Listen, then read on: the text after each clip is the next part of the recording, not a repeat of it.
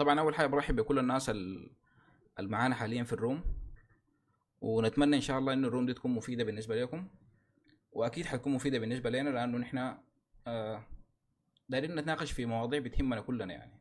يعني وعدد المستم... المتحدثين الكبير ده فائدته الأساسية انه كل زول يقول أفكاره المختلفة وكلنا حنستفيد منها إن شاء الله. طيب بشكل أساسي البرنامج بتاع اركشن بودكاست هو برنامج بيهتم آه بكل المواضيع اللي عندها علاقة بالمعمار سواء بصورة مباشرة أو بصورة غير مباشرة.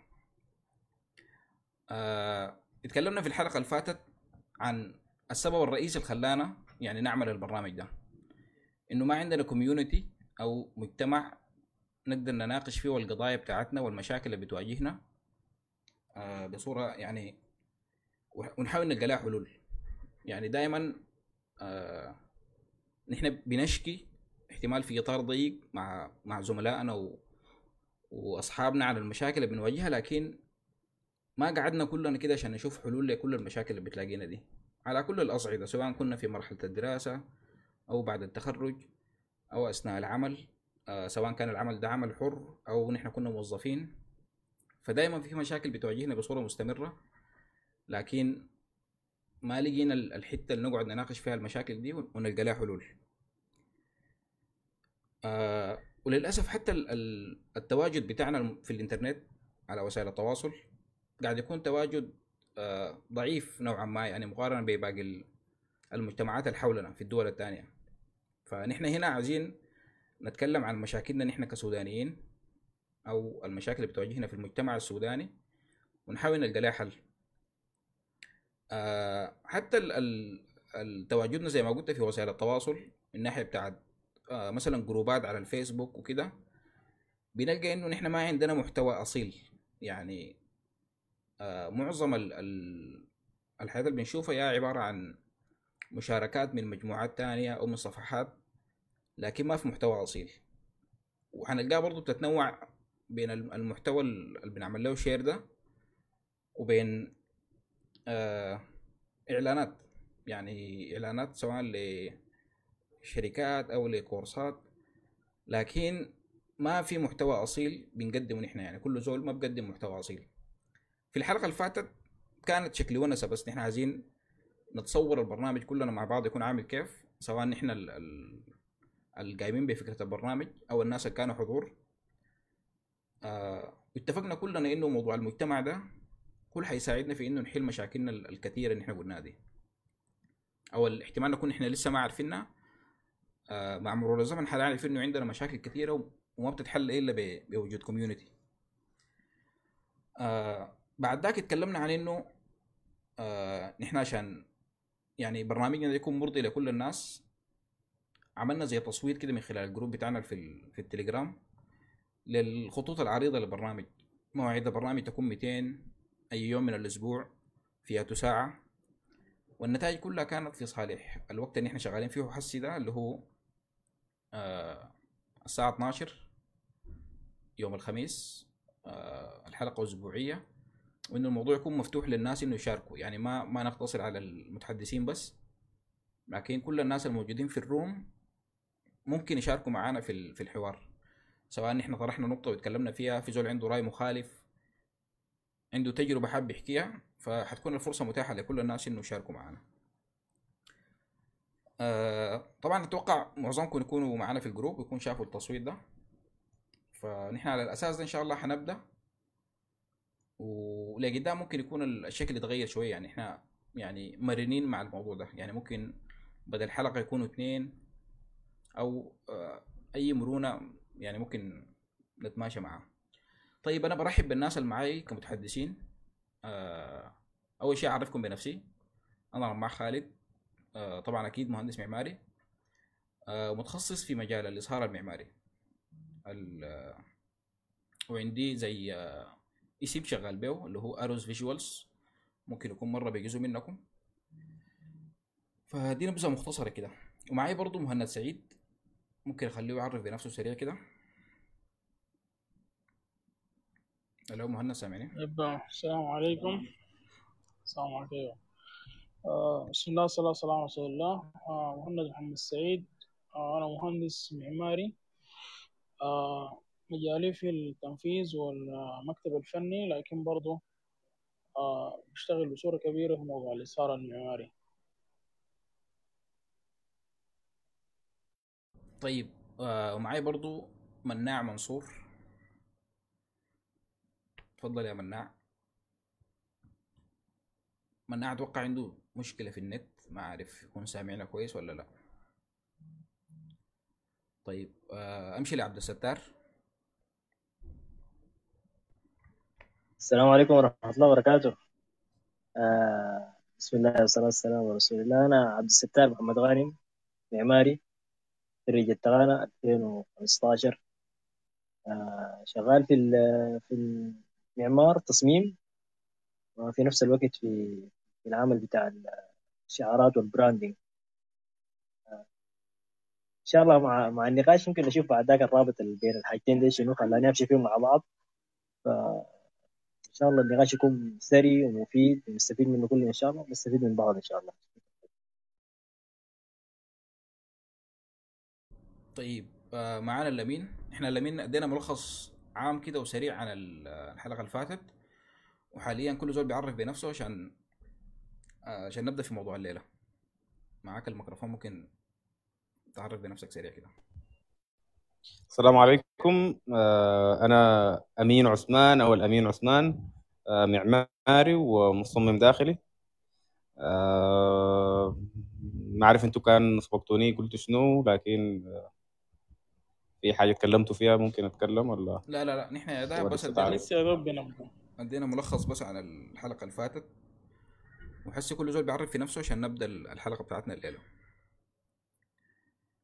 طيب آه أنا في المقدمة اتكلمت عن موضوع المجتمع يا إخواننا وإنه نحن بنشتكي من وجود آه، عدم وجود المجتمع ده.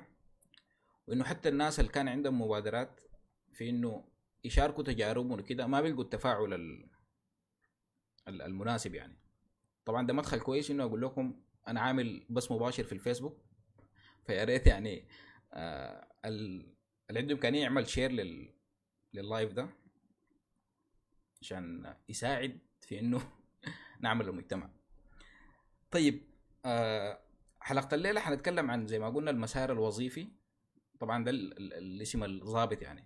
المسار الوظيفي طموحات وأهداف وعقبات. آه كمدخل للموضوع ده أتوقع كلنا بتكون مرت بين القصة بتاعت آه يعني يقولوا لك أنت بس تخلص الأساس ده تدخل الثانوي تاني الموضوع هناك فيه تخصص ويا أدبي يا علمي وكده فبترتاح في الثانوي يعني. بتدخل الثانوي ويقول لك يا أخي لا لا لا أصلا شفت بس سنة ثالثه دي تتخطاها وتخش الجامعة أنت حترتاح في الجامعة. وبعد ذاك بتتفاجئ انه بتخش الجامعة بيقول لك نفس الكلام. هذول الجامعة دي بس تنتهي منها وتبدأ الشغل تاني انت موضوعك آه، خلاص يعني ما حتواجهك مشكلة. وتبدأ في الشغل يقول لك يا زول انت بس يعني تدز دي ما في داعي اقولها تخيل لي. فبس تخلص ال... ال...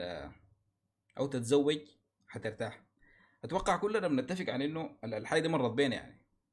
آه ما عارف الشباب ديل مرت بكم الحاجة دي يا المتحدثين معي هل ارتحتوا في مرحلة من المراحل دي؟ والله طبعا لا يا آه، لا لا. أنا وصلت مثلا آخر مرحلة ومرتحنا برضو يعني. آه، أصلا ما في راحة في الدنيا دي. خلقنا الانسان في ف- سبحان الله كل ما الواحد يمشي قدام بيلاقي الأمور بتزداد صعوبة. لكن برضو بالمقابل بتلاقي نفسك إنه بقيت أقوى يعني. أتوقع أنت كل مرحلة الصعوبه بتكون مناسبة لمستواك يعني. أيوه فعلا. عبد الستار كنت عاوز تقول حاجة تقريبا. هي بالضبط كده الصعوبة بتكون متناسبة لمستواك.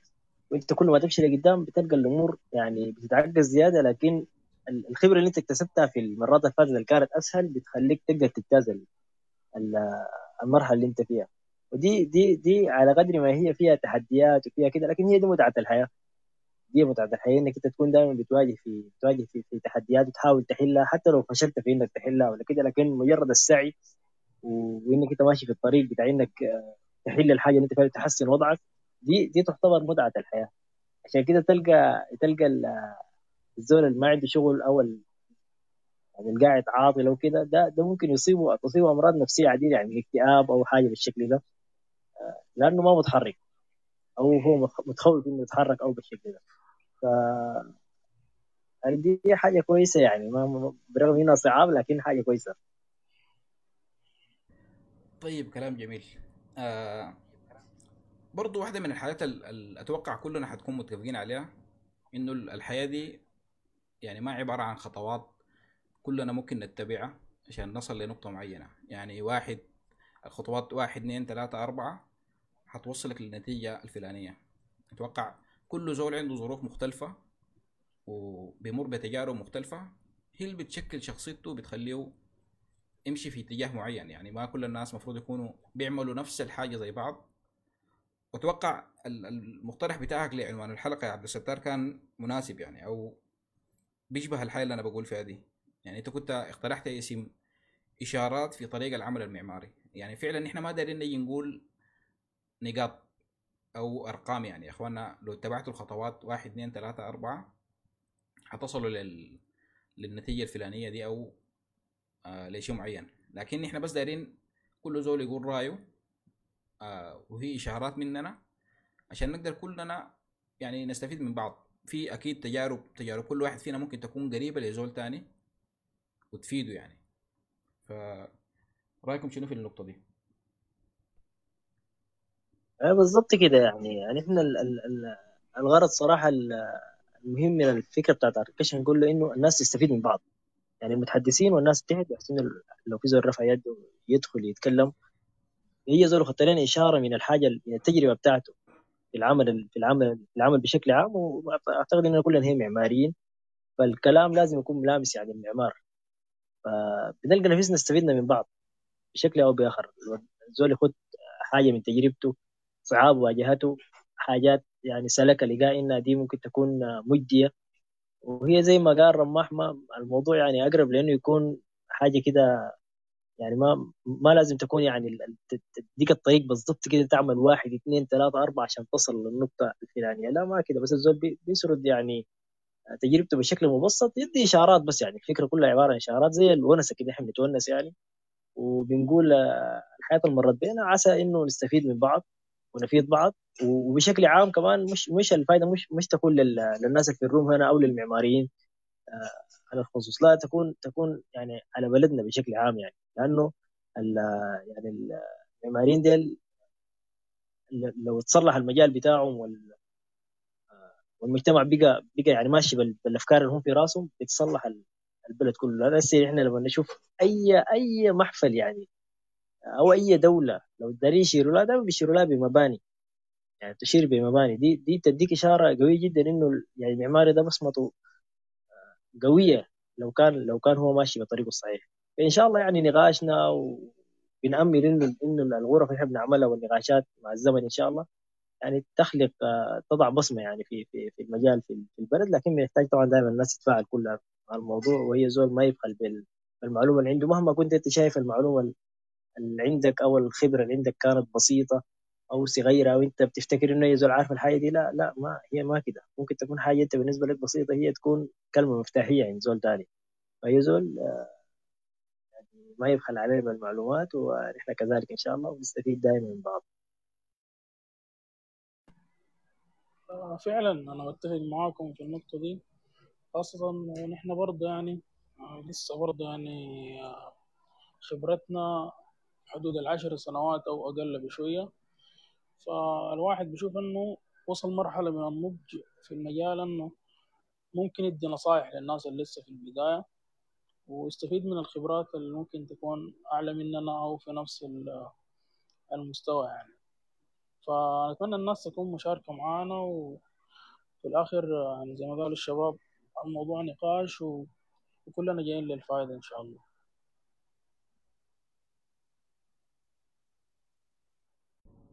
طيب اللمين ومناع أنتوا سامعيننا وقادرين تشاركوا ولا؟ ولا نمشي للنقطة اللي بعدها.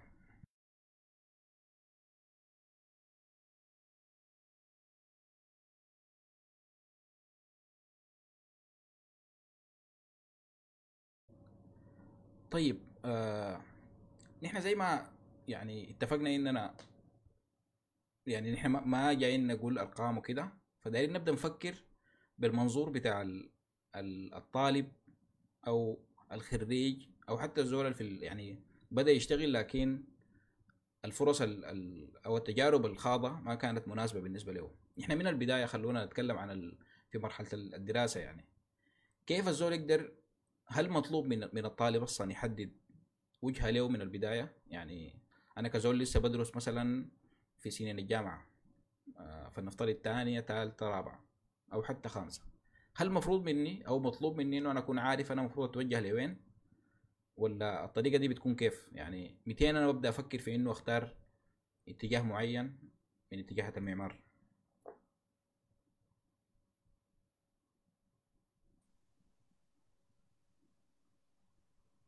آه أنا بشوف آه، صعب جدا إنه الواحد أثناء ما هو في الجامعة يقدر يحدد التخصص ال- المجال اللي ممكن يمشي فيه. العمارة بحر كبير جدا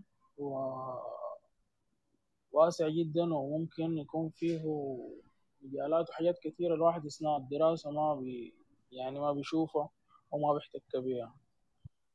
ففي في خاصة في السنوات الأولى من الصعب جدا يعني الواحد يصل لل للقرار ده إنه حيمشي في شنو بالضبط. مرات سبحان الله يعني الظروف بتسوقك في اتجاه كده انت أصلا ما بتكون متخيله. يعني أنا أنا شخصيا يعني بس أدي نبذة شوية كده عن نفسي. أنا لما جيت معمار ده ما بعرف معمار والله. ما بعرف عنه أي حاجة. زي ما معظم معظم الناس يعني ممكن يكون جابوا مجرد التقدير. فأنا دخلت معمار آه، ما كنت بعرف أرسم ولا كنت آه، بعرف حاجة في العمارة فالواحد مع السنوات يتعلق بالمجال و... وحبه. وكان دايما بيحاول يمشي في يعني سكة بتاع التطوير وكده. ف حتى التخصص اللي أنا حاليا شغال فيه برضو ما كان متخيل إنه أنا ممكن أشتغل في حاجة زي كده. ف احتكاكك برا بسوق العمل ومع الناس اللي ممكن يكونوا ممارسين لهم فترة ممكن يساعد جدا في أنك تحدد ال- المجال أو الحاجة اللي أنت ممكن تمشي فيها. لكن أنا بشوف الفترة بتاعت الجامعة خاص سنوات لغاية تالتة كده صعب الواحد يصل للنتيجة دي آه، والله يا جماعة في يعني في حاجة أنا صراحة ما عملتها لكن بعد طلعت من الجامعة كنت أتمنى لو في زول يعني شار لي حاجات زي دي أو, أو يعني حضاني عليها بشكل كبير. اللي هي يعني طبعا في الجامعة لأنه أنت بتكون يعني الناس كلها طبعا معماريين بيكونوا عارفين الخط السير بتاع تنتهي من مشروع بتكون طوالي خاشة في البعد وفي تسليم في سهر في كده فبتكون أنت مضغوط. لكن والله يا جماعة صراحة لو لو الواحد كان يعني استثمر حتى لو لو الإجازات أو الوقت بتاع عطلة صغيرة ولا حاجة كده في إنه يعني يطلع على مواقع معمارية يشوف الحياة الجديدة. أو حتى على الأقل يعني يدخل ال- المكتبة كده يقرأ لو بسيط كده بس حاجة بسيطة كده. طبعا في ناس القراية بالنسبة لهم بتكون صعبة. أنا صراحة حياتي خلتني أدخل معماري إنه ما ما بطيق يعني أقرأ كثير يعني. ممكن أقعد أرسم لحد الصباح لكن القراية الكثيرة بالنسبة لي صعبة. لكن الزول اللي طلع على المواقع شاف شغل بتاع معماريين آه، عالميين رواد بتاع العمارة آه، قرأ ولو بسيط في الحاجات دي بيلقى نفسه تلقائيا بتتشكل عنده رؤية معينة إنه إنه مايل لاتجاه معين من اتجاهات العمارة يعني. سواء مدرسة أو أو أو يعني مجال من مجالات العمارة في السوق أو في التصميم أو كده بيلقى نفسه يعني بدأ يتشكل عنده بدأ يتشكل عنده الحاجة دي. مع مع الزمن إن شاء الله ب- تلقى نفسك يعني بتقوي النقطة دي عندك ولما تطلع من الجامعة بتكون أنت عارف يعني على الأقل أنت ممكن تمشي تقول أنا هشوف في كل الاتجاهات هجرب في أي حاجة عشان آخذ معلومات من أي من أي ركن من أركان المعمار لكن من من البداية أنت عارف توجهك الأساسي ماشي على وين. فدي برضه ممكن الزول يعني تختصر عليه. لو في معانا ناس هنا طلبوا ممكن يعني ياخذوا الكلام ده على محمل الجد يعني يستفيدوا منه أو حتى أو حتى لو زول يتخرج ما هي ما فات حاجة يعني. كثير من من من رواد الأعمال خارج مجال المعمار يعني بدوا أعمالهم في سنين متأخرة يعني الموضوع ما ما فاتك حاجة لسه. إحنا الآن يعني زول ماشي في في في السكة دي على أساس إنه تقدر تحدد توجهك بالضبط. السلام عليكم. يا هلا. معلش السلام. شوية كده كان تعبان. في موضوع التعريف وكده فما ما حبيت أشارك لأنه الانترنت كان عندي سيء شديد. حاسس الحمد لله في حتة شوية كده النت فيها أحسن. فبس أنا قبل ما أتكلم في في موضوع النقاش. بس الكلمة اللي قالها عبد الستار إنه أنا دخلت المعمار عشان ما بحب أقرأ. آه هو صح مثلا جنرال كده أنت ما بتقرأ لكن اكشن أنت بتقرأ أي مشروع. ايا كان المشروع اللي أنت بتشتغل عليه وإن ما قريت ما قريت المشروع ما حتشتغله صح أصلا يعني. يعني المشروع ما ما هو رسمة ولا هو ما يعني ما بس مجرد رسومات مجرد آه، يعني drawings للتسليم أو لمراحل الشغل. مشروع هو أنت بتقرأه ايا كان نوع المشروع إذا تتكلم مثلا say إنه مبنى بتاع مبنى بتاع نقل مثلا. أنت لازم تقرأ عن الحركة لازم تقرأ عن الموضوع ده بالشكل اللي ممكن يكون متخصص جدا مش القراية الجنرال يعني. لكن هي بس الحاجة الميزة في الموضوع شنو؟ إنه أنت بتقرأ الحاجة اللي أنت شغال عليها. ما محتاج إنه تكون أنت ملم يعني بأي معلومة ثانية بتاعت معمار. انت بس محتاج انه الحاجة اللي انت شغال عليها تقرأ فيها. أيوه أيوه طبعا يعني أي يعني الكلام اللي قلته ده مظبوط جدا وهي دي دي حاجة من الحاجات الممتعة في المعمار يعني إنك أنت بتقرأ في المشروع اللي أنت عايز تعمله بتقرأ بتطلع عليه كله بتشوف الشغل ماشي فيه كيف الحاجة دي بتعامل كيف الناس آه، بيتعاملوا كيف حتى لو بتعمل في مستشفى أو ركاب زي ما قلت بتشوف حاجات الناس اللي ما معماريين قاعد يشوفوها ما مهمة بالنسبة لك. فعلا أنت بتقراها وبتطلع عليها وكده أنا بت... القراية كنت بتكلم عنها ما ال... ما, ما, ما النوع ده من القراية. لا دي دي نوع طبعا من الحياة اللي أنا شايفها ممتعة جدا في المعمار. لكن أنا كنت بتكلم عن القراية إنه الزول يمشي يطلع يعني من أجل يزيد يزيد معرفة في ال- في المعمار بشكل عام. بس والله يا مناع شكله الشبكة عندك آه لسه لسه سيئة.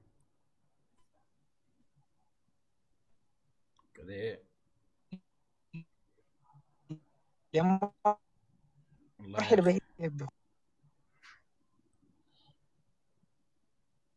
آه واصل يا عبد الستار انت كنت بتقول في في نقطة مهمة.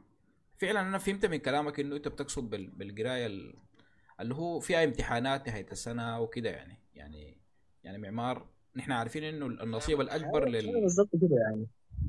أيوه. السنة الدراسية بيكون للمرسم. آه المرسم والمشاريع وكده أيوه. أنا الشبكه عندي كده كيف؟ آه، الصوت واصل كويس ولا؟ واصل يا لمين مرحلة به واصل واصل. يعني مش يعني مثلا تحس إذا ذكرت مثلا مش في المستشفى.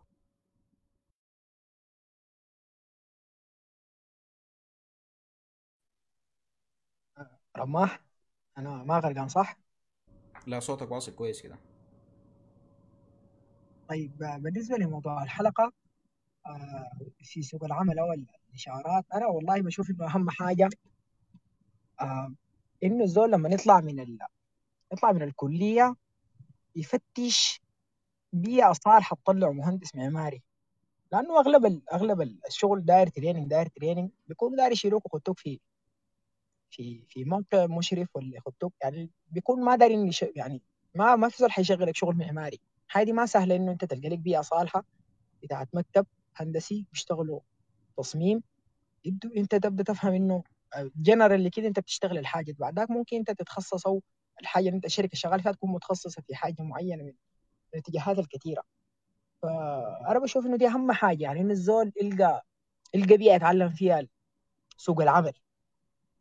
دي ما سهلة بالمناسبة. يعني.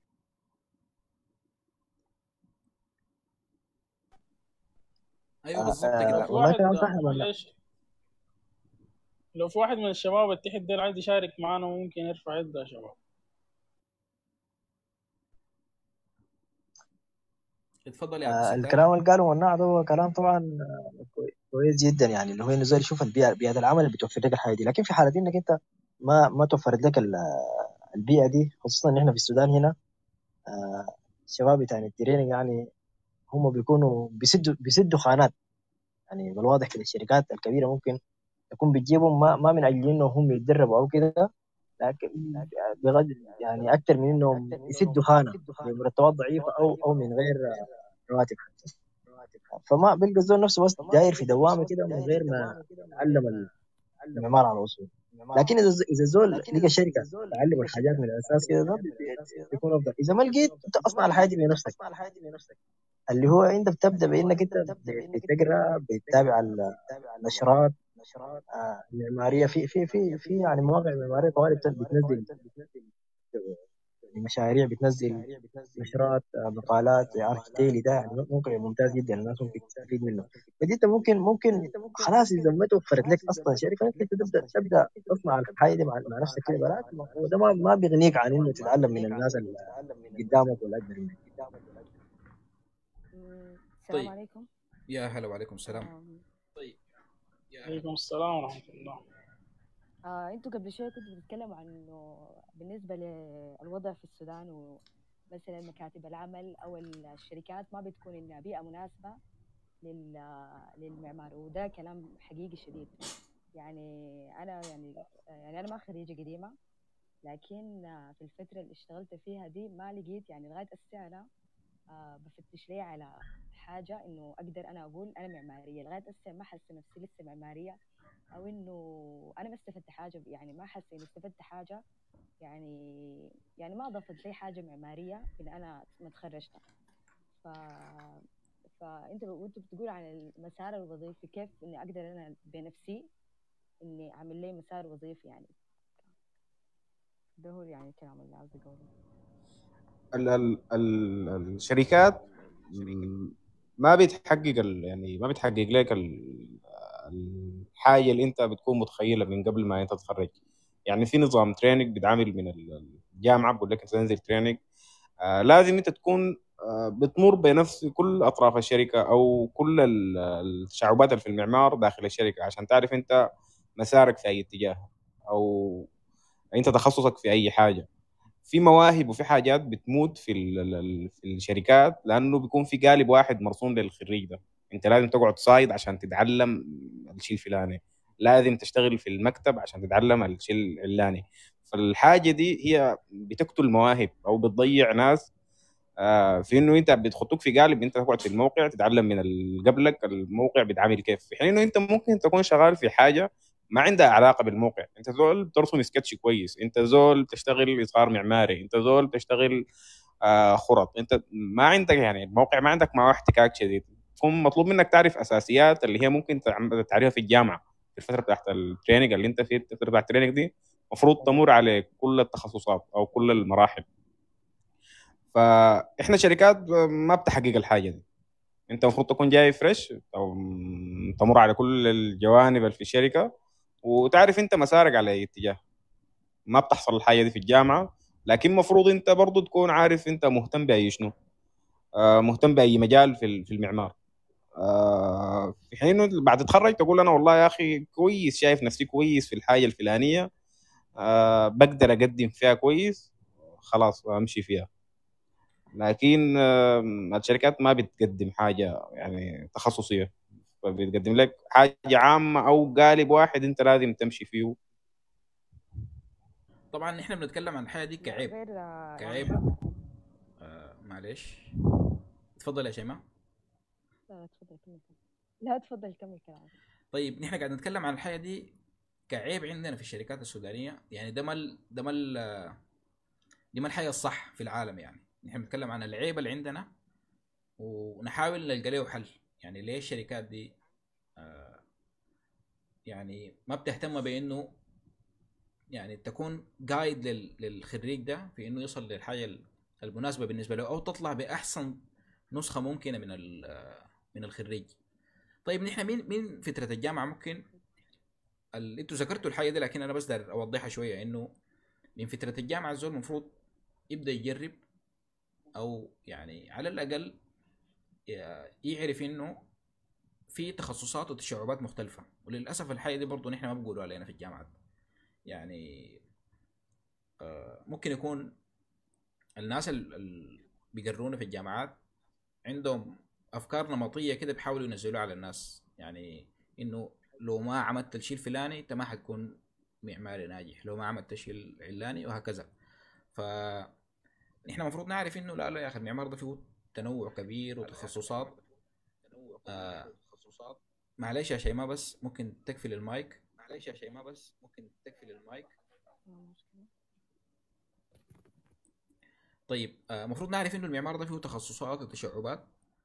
آه وعلى الأساس ده نبدأ نفتش على التخصص المناسب معانا. يعني يعني أنت ما ما مطلوب منك لما تتخرج طوالي تكون عارف إنك يا أخي والله المفروض تشتغل في الاتجاه الفلاني. لا لا. انت المفروض تكون في مرحلة بتاعت بحث. والحاجة دي ما بتنتهي ب بعد تخرجك بسنة ولا سنتين ولا ثلاثة ولا كده لا انت بيكون فترة طويلة بتفتش على ال... يعني مجال مناسب معك فنحن بنقول عشان الفترة دي تكون في الحد الأدنى بتاعها آه حاول من بدري من فترة الجامعة أبحث في الاتجاهات دي كلها شوف يا مناسب معك أو لو لقيت نفسك في واحد من الاتجاهات بتاعت المعمار دي آه مستواك كويس حاول طور نفسك في الاتجاه ده وأصر على إنك تكون آه متخصص فيه وحتشتغل فيه يعني.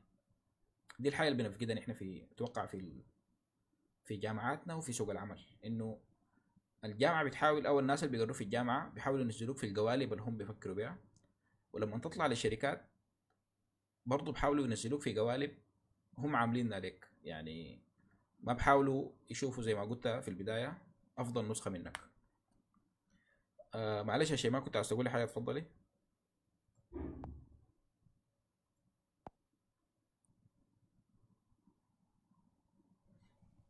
كنت عاوزة أقول إنه آه في السودان بالذات يعني بن يعني بنركز على مثلا شغل المواقع سواء كنت مدني سواء كنت معماري يا شيماء معلش بس صوتك ضعيف لو تقرب صوت المايك واطي شوي شوية. آه كده كويس؟ شوية. ما سمعت آه لا لا علي صوت كتر لأنه صوت شوية بيجينا واطي يعني. آه كده كويس؟ ممتاز. واضح أيوه كده okay.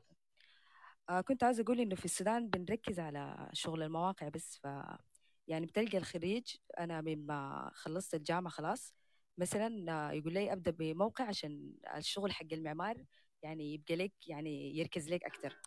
فبتلقى روحك يعني في الموقع ده ما- بتلقى نفسك أو إنه بتلقى إنه دي ما البيئة ال- يعني ما ما حسيت إنه ضاف لك شيء معماريا بس إنه ك ما ما عارفة كيف أوضح لكم الموضوع لكن بتحس إنه إنه يعني الموقع ده مالي المعماري. ليه الناس ليه يعني الشركات بتخط المعماري في المواقع؟ أنا ما حسيت نهائي ده شغل معماريين أو إنه المفروض أمر بالحاجة دي. أنا ليه والله آه أتوقع إنه الحاجة دي يعني الشركة بتكون داير تسد الزول فرقة زي ما بيقولوا. يعني دايرين زول يكون ماسك يا. لهم الشغل أكتر من إنه هو يستفيد ولا يمشي لقدام. يلا والله يعني نبدأ نبدأ بالترتيب يا أخوان. نبدأ أنا أصلا يلا أنا هسي آه، شغلي في مواقع يعني في ده صميم شغلي. الموقع فيه شغل معماري. معلش يا شيماء. أيوه كويس كده. آه ال- الموقع فيه شغل معماري كتير جدا صراحة. آه، هو ما مجرد إنه بس إشراف على العمال ويومياتهم و آه، اسمه شنو هو ده ال- المواد والحاجات دي. فالموقع بيبدأ فيه حاجة اسمها مكتب فني. المكتب الفني ده هو المسؤول بيعمل شوب دروينز والمسؤول من آه، عمل الجداول الزمنية ومتابعة المشروع وإدارة المشروع. فالموقع اللي عندنا في السودان ده أبعد بكثير ما يكون عن فكرة أنه يكون موقع.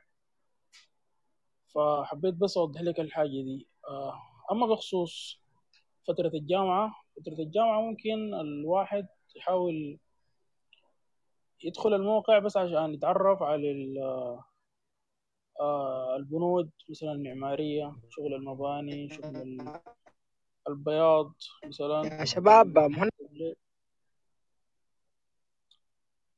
تمام ف واحتك بباقي المجالات التانية في شغل ميكانيكا في شغل بتاع كهرباء في ستراكشر فدي الحاجة اللي ممكن أثناء فترة الجامعة الواحد يتعلمها من الموقع لكن الشغل بتاع إنه أمشي وأقعد مع العمال و- وودي صرفيات ده ما ده ما شغل موقع أصلا.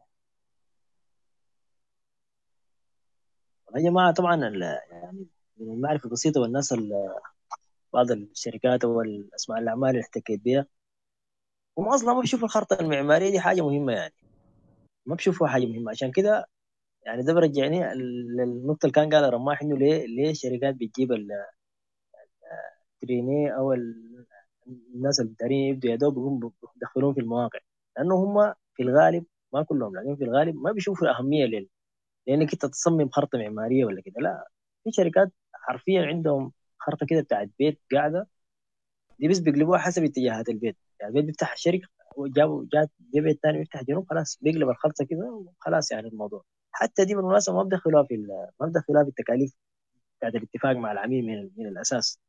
يعني بيجي يجي زول يشتغل مع زول مع الشركة يقول له في الخرطة دي بنديك عمر؟ يا عمر اعمل المايك أيوه. mute بس. أقفل المايك.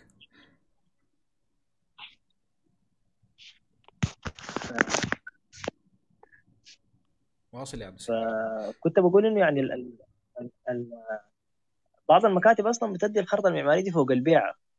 يعني عديل فوق البيعة كده. أنت يعني هننفذ لك الخرطة المعمارية دي هدية كده مجاني يعني. مع إنها هي الأساس بتاع الشغل. آه نحن دورنا كمعماريين المفروض أي زول في في في نطاق دائرته في نطاق معارفه في أهله في مجتمعه يحاول يوعي الناس بأهمية إنه إنه تتعمل لك خرطة معمارية. يعني زول معماري دارس الشغل ده وعارف ويعمل لك الخرطة دي. لأنه الحياة دي عندها أهمية عندها اهميتها بتقلل لك تكاليف بتقلل لك المبنى بتاعك شغال وظيفته اللي أنت بانيها أساس على بانيها له دي يعملها على أكمل وجه. حتى تقليل بتاع تكاليف بشكل جميل. آه يعني أنت عارف قبل ما تبدأ ولا تخط طوبة أنت عارف لحد المبنى ده ما يكتمل أي حاجة بتشتغل كيف بتمشي كيف بتتعامل كيف. فنحن بنحاول يعني نوعي الناس حولنا كلهم بالحاجة على أمل إنه إن شاء الله هي تجي فترة من الفترات تبقى الخطة المعمارية. هي الأساس والأهم في أي شركة وفي أي عمل وما في زول يستغنى عنها وما في زول يخدها فوق البيعة. يعني معلش الكلمة دي ممكن تكون شوية كده يعني قاسي على الناس كده أو تشمئز منها القلوب يعني. لكن لو في ناس لفت في الشركات وكده ش... أو اتعاملت مع مع مهندسين خصوصا المهندسين المدنيين يعني بيكون واجهتهم الحاجة دي إنه الخرطة المعمارية أو التصميم المعماري ده حرفيا بيكون فوق البيعة. ما ما بيخط له أي اعتبار يعني. هو بيشوف الفائده بتاعته الماليه بتجي أكثر في التنفيذ. فأنا أكسب الزول ده بإنه أعمل له الخرطة مجاني. وهي خرطة دي ما خلاص يعني أنا هعمل شنو يعني؟ أعمل له كده كده وخلاص والموضوع طبعا كلامك ده صح ونحن أنا بدي اكد للناس إنه آه الصراع الحاصل ده وطريقة كلامنا دي آه مناع؟ بتقول في حاجة؟ طيب. السلام عليكم. يا هلا وعليكم السلام. عليكم السلام. آه معلش أنا بس كنت أعقب على هي آه آه، الفقرة بتاعت إنه الطالب لما يكون في الجامعة هو حيقدر يعرف تخصصه كيف. في حاجة بس إنه الطالب لو انتبه يعني إحنا مشاريعنا اللي بنصممها في الجامعة عبارة عن آه كل ال- ال- المجالات الممكن الواحد يمشي فيها بعد ما يشتغل. يعني مراحل المشروع ذاته من ال concept لحد لحد ال final يعني ال final presentation هي زي زي عبارة عن مسارات وظيفية. يعني الموضوع ده ممكن ما يكون ظاهر إلا إذا مثلا senior أو أستاذ نبه الطالب على الحاجة دي. إنه يعني مثلا مرحلة ال concept بتوضح إذا الزول ده بتاع sketches مرحلة ال- ال- المتطور. إذا أنت آه، زول بتهتم بمراحل ال construction يعني المراحل ذاتها والمواد بتوضح للطالب أو بتديه زي guidelines هو بعدين عاوز يتخصص في شنو؟ هو بس آه، الموضوع محتاج شوية تركيز من الطالب إنه عشان هو يعرف آه، ممكن يعني هو بعدين يكون مايل على أي اتجاه أو على الأقل هو ما مايل لشنو؟ الحاجة اللي هو مثلا ما ممكن آه، يمشي يشتغل فيها. ده رأيي يعني. يلا آه هو كلامك صح طبعا إنه آه هو ال- ال- ال- ال- المراحل بتاعت المشروع. هي بي- بتمر بيك بكل المراحل اللي انت حتمشي فيها لقدام. لكن إحنا اظن لما يتخرجنا ما في زول بيكون عارف انه هو ممكن يتخصص في ال- آه، السلام عليكم. عليكم السلام ورحمة الله. أنا في حتة برضه دايرة يعني كنت أعلق عليها بالنسبة لأنه إحنا أصلا موضوع ال training ده عندنا مشكلة من في الجامعة. آه، الناس ما بتكون مركزة عليه شديد سواء الطلاب أو حتى ال- الجامعات. آه، معلش يا نهلة يعني ما بس. بتجبر الطالب يكون خلاص واصل يا عهود. اللي هو ما بتجبر الطالب إنه مثلا يكون عنده يعني يعمل تريننج أثناء الفترة بتاعة الدراسة. آه، اللي هي زي ما أنتم قلتوا بتعرفوا على الشغل بتاع الموقع وبيكون عارف الأساسيات يعني في الموقع. بعد ذاك لما يتخرج بتلاقينا المشكلة الثانية اللي هي إحنا أصلا عندنا الثقافة بتاعت زي ما آه، قبل قال آه، باشمهندس عبد الستار إنه موضوع الخطة المعمارية دي ما ما حاجة مهمة. بيشوفوها شيء خابيط يعني سواء ال clients أو حتى المهندسين ال- ال- آه، المدنيين. بتجينا المشكلة برضو إنه إحنا يعني من في ممكن في الجامعة أو بعد ما نتخرج في سوق العمل بيقولوا لك يعني ال- ال- اللي هو موضوع الخرط ده ما ما بيأكل عيش يعني زي ما بيقولوا. فشنو الناس بتكون شنو؟ تركز على شغل المواقع. فلما تمشي شركة آه، عشان تعمل training أنت ممكن يكون ال target بتاعك إنك تمشي site فعلا عشان تعرف الحاجة دي أو الشركة ذاتها ممكن تدخل لك بالحته دي انه يقنعوك إن إحنا مودينك ال site عشان أنت تستفيد عشان الحاجة دي اللي بعدين آه، يعني حقيقي أنت حتشتغل عليها أو اللي هو دي المطلوبة أكتر في السوق. يعني في السوق ما حيكونوا ال- الخرط ما حتكون مطلوبة كتير. يمكن الحاجة دي إحنا معظمنا ممكن يكون فعلا بيكون بيعاني منها في الشغل يعني. إنه الخرط آه، هي ما ما حاجة مهمة شديد سواء ال clients أو غيرهم أهم شيء التنفيذ. ودي أكتر حتة اللي هو بيكون محصور عليها فرص الشغل أو ال- ال- ال- ممكن تكون بتجيب عائد أكتر. ف most of الناس بيكونوا مركزين على الحتة دي أكتر يعني. أو هي ال target بتاعهم is حاجة غلط وبيكونوا حصروا نفسهم يعني. لأنه زي ما قلتوا معمار فيه مجالات كثيره و يعني الزول ممكن يلقى نفسه في حتات كثيره لكن إحنا عندنا مشكلة بتاعت الثقافة دي سواء عندنا إحنا كاللي هو معماريين أو كبرضه اللي هو الكلاينتس اللي حوالينا برضه أو المجتمع بصورة عامة يعني. آه، أنا كنت والله داير داير انطلق من النقطة اللي قالتها عهود. يعني اسال أسأل رماح يعني أو أو رماح وأمين ومهند اللي هم يعني اشتغلوا في حاجة. قد تكون حتى في في ال- في المجال الداخلي بتاع المعمار تبدو إنها ما فيها شغل. وهم كانوا مركزين انه يمشي فيها الا حتى المجال بتاع الإظهار المعماري. زي إحنا مثلا كمعماريين بالنسبة لل... لل... لل... لل... للناس للهندسات كلها أو للمجتمع بشكل عام عايزين نمشي نشتغل في السايت عشان دي في حاجة فيها قروش والخرطة ما فيها ما فيها شغل. لأنه الدنيا دي كلها مقتنعة إنه مش الدنيا كلها طبعا لكن المجتمع بتاعنا هنا مقتنع إنه الخرطة دي ما مهمة. طيب ناس رماح و... وأمين ومهند اللي هم اشتغلوا في ال- في ال- في الاظهار المعماري دي حاجة تبدو إنها الأهمية بتاعتها أقل بكثير من من الخرطة. ومع ذلك هم اشتغلوا فيها وقدروا يعملوا يعني قاعدة بتاعت عملاء ويعني بيزنس كويس. فيا ريت يعني لو يدونا فكرة كده عن إنه يعني كيف كيف كيف قدرتوا تدخلوا المجال ده أو تثبتوا إنه حاجة مهمة؟ بالذات رماح يعني لأنه آه كم مرة أنا اتكلمت معاه وهو يحب دائما يعرف نفسه إنه هو معماري متخصص في الاظهار المعماري. كان ماشي يعني في يا المدرسة استاذنك في إنه أنا داخلك. قبل ما تغير الموضوع بتاع الباشمهندس اللي كانت تتكلم في الموضوع بتاع أهمية الخرط بعد إذنك. تفضل. أنا صوتي صوتي واضح؟ واضح ممتاز. طيب تمام. آه، بالنسبة لموضوع الخرط واهميتها بيجيك ال- الكلاينت أو أي زول بيقول لك يا خرطة وما خرطة وكلام ونسى أنا باقي لي ده تقصير من المعماريين في موضوع الخرط. قبال أصلا يكون في طق يعني في جهل من من من من الناس بموضوع الخرط. كيف؟ آه يعني في في ضعف شديد في فكرة إنه أنا أنا معماري أنا بعمل خرطة ودي خرطة و... آه لما أنت تقعد مع أي زول تقوم تشرح له إنه الخرطة دي عندها أبعاد كثيره شديد. إنه الموضوع ده ما بالسهولة ديك. طوالي بتلقاه بعدك هو بدأ يحترم كلامك بدأ يحترم أنت بتسوي في شنو بدأ يحاول ياخذ منك. يعني حاجة زي المواعي بها زي ال... زي الزول ال... زي الناس بتاعين البرمجة. يعني معلش هو التشبيه ممكن شوية يكون بعيد لكن ال- الناس اللي بتبرمج أو اللي بتكتب الكودات بتاعت البرامج. في كبير فرق كبير لما يكون زول زول متمكن من زول هاوي. أنتوا إن شاء الله بس ال- المثال ما يكون بعيد يعني ما مفهوم بالنسبة للناس. فأنا بشوف إنه تقصير مننا نحن المعماريين نحن ما ورينا الناس إنه أنا لما نعمل خرطة معناه أنا بعمل في شنو. يعني زول يقول لك خرطة في نص ساعة الخرطة ما بتبقى في نص ساعة أصلا. يعني أنت بخبرتك سنينك حياتك دي كلها بالإضافة للمجهود اللي أنت بتيجي تبذله فيها ما ما ما بالزمن ذاك ولا بالسهولة ديك. فدي أنا شايف إنه خصص لها يوم من الأيام حلقة كاملة بنتكلم فيها عن لأنه أنا شايف دي حاجة مين شديد في سوق العمل السوداني موضوع الخرط وما الخرط والحاجة دي. واصل يا عبد الستار إنه حيتغير أيوه. الموضوع.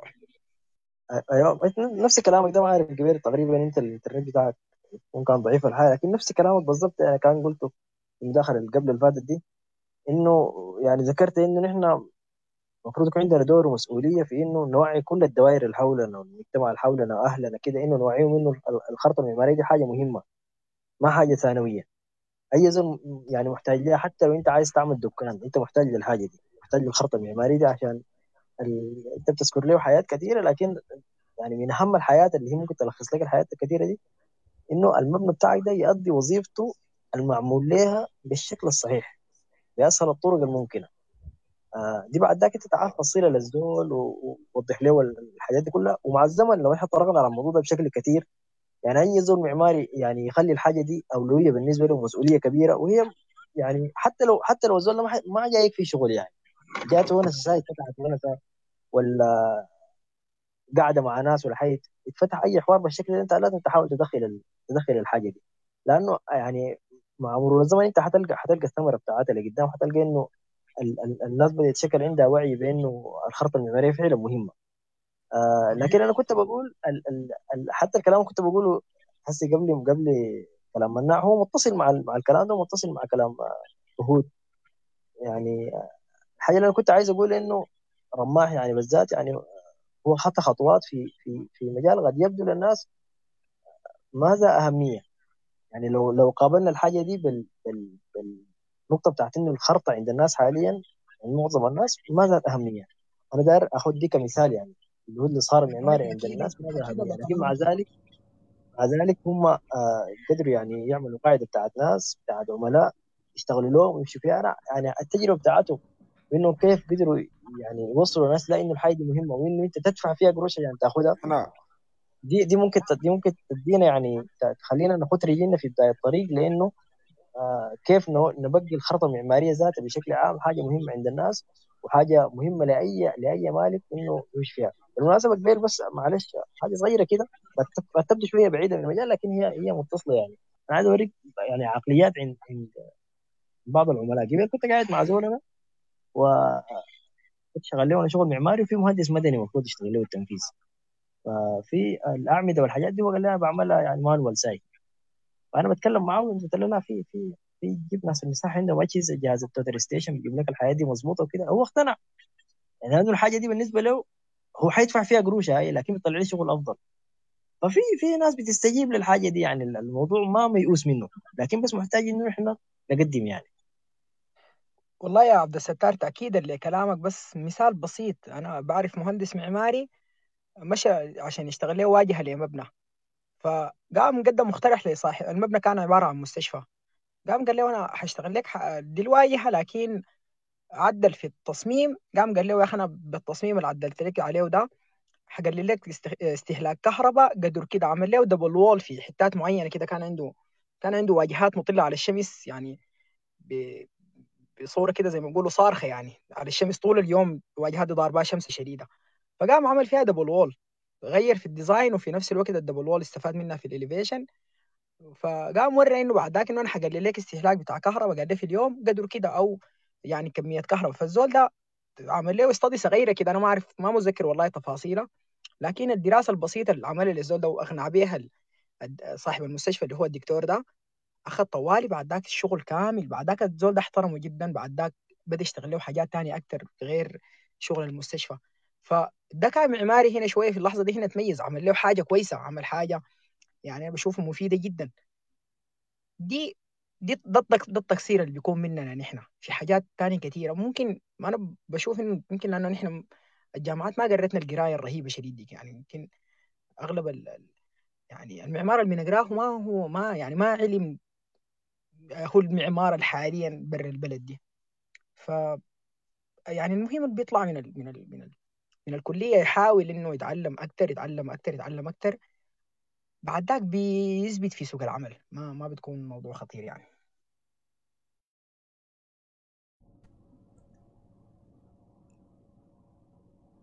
تفضل يا مهند عايز تقول حاجة؟ طيب يا رماح أنا بس آه، بنبهكم إنه أنا شايف أحسن نمشي مع البريف اللي إحنا حاطينه ده عشان بس الأمور آه، الموضوع ما يمشي في سكة بتاعت نقاش بدون أيوه. أنا فعلا كنت داير اعمل؟ داير يعني داير أجمع ال- الخيوط دي كلها كده مع بعض. آه نحن هسي أتوقع من شكل النقاش بتاعنا ده ظهر الصراع الموجود عندنا في, ال- في الواقع. يعني آه معظمنا دايرين نمشي في اتجاه معين وال والسوق والواقع بيسوقنا في اتجاه تاني. ففي النهاية الناس بتقوم بتستسلم للواقع ده وبيمشوا فيه. فنحن من البداية ده نتكلم إنه يا إخواننا في تخصصات مختلفة. ونحن المفروض نحترم كل التخصصات دي. يعني أنا ما أد... ما أقلل من دور ال- الزول اللي شغال في الموقع وهو ما يقلل من دوري وأنا ما أقلل من دور الزول اللي حيشتغل آه الكونسبت وما أقلل من زور من دور الزول اللي حيشتغل الإظهار. كل المراحل اللي إحنا حتمر بينا يعني نكون إحنا محترميننا ومقدرين الدور اللي بيعمله الزول ده. مهما كان في نظرنا إحنا بسيط كثير آه ما بياخد معه زمن كثير. أنا بقعد في المشروع آه مدة أطول لكن أنا بحترم دوره. لأنه آه لما نحن نبدأ نحترم أدوار بعض زي ما بيقولوا وكل زول يعرف إنه آه يعني الناس مقدر الحياة اللي أنا بعمل فيها أنا بتمسك بالحياة اللي أنا بعمل فيها دي وبحاول أواصل فيها. آه عبد الستار كان سأل إنه يا أخي آه أنتوا كيف مشيتوا في الاتجاه بتاع الاظهار ده؟ آه في في الظروف اللي إحنا المحيطة بينا دي يعني إنه كل الناس ما متقبلة الحياة دي وصراحه الموضوع كان صراع. يعني أنا كنت مصر إنه لا لا أنا لازم أمشي في الاتجاه ده. ويا زول أنت كيف تبدأ؟ وما في زول والخرط يا داب يعني زي ما بيقولوا يا داب ماشية. و والله موضوع الخرط ده كان واحد من الأسباب اللي خلاني أنا ما أشتغل آه تصميم تصميم اللي هو خرط وكده يعني. إنه بتلقى إنه في السوق يعني المتحكمين فيه ناس قد يكونوا بعيدين من المجال آه مقاولين مثلا ما عندهم علاقة بالمعمار ولا كده. وبنفس العبارة اللي انت قلتها يا عبد الستار الخرطة بتكون حاجة فوق البيعه فهو بهناك بيمشي بقابل مالك بيبدأ يديه يعني بيحقق له في أحلامه. وطبعا عندنا في السودان موضوع آه، البنى ده بشكل عام بيكون يعني هو استثمار جبان لكن ده المعتمدين عليه. إنه تعمل لك يا أخي عمارة كم طابق وتسكن فيها ناس وخلاص ثاني بتكون عايش باقي حياتك مرتاح يعني. فيبدأ المقاول ده يقنع المالك إنه يا أخي آه يعني أنا حأعمل لك كذا شقة في الطابق وكذا دور وكذا آه فكزول مستثمر حيشوف إنه والله يا أخي كويس أنت حتعمل لي الحاجات دي كلها؟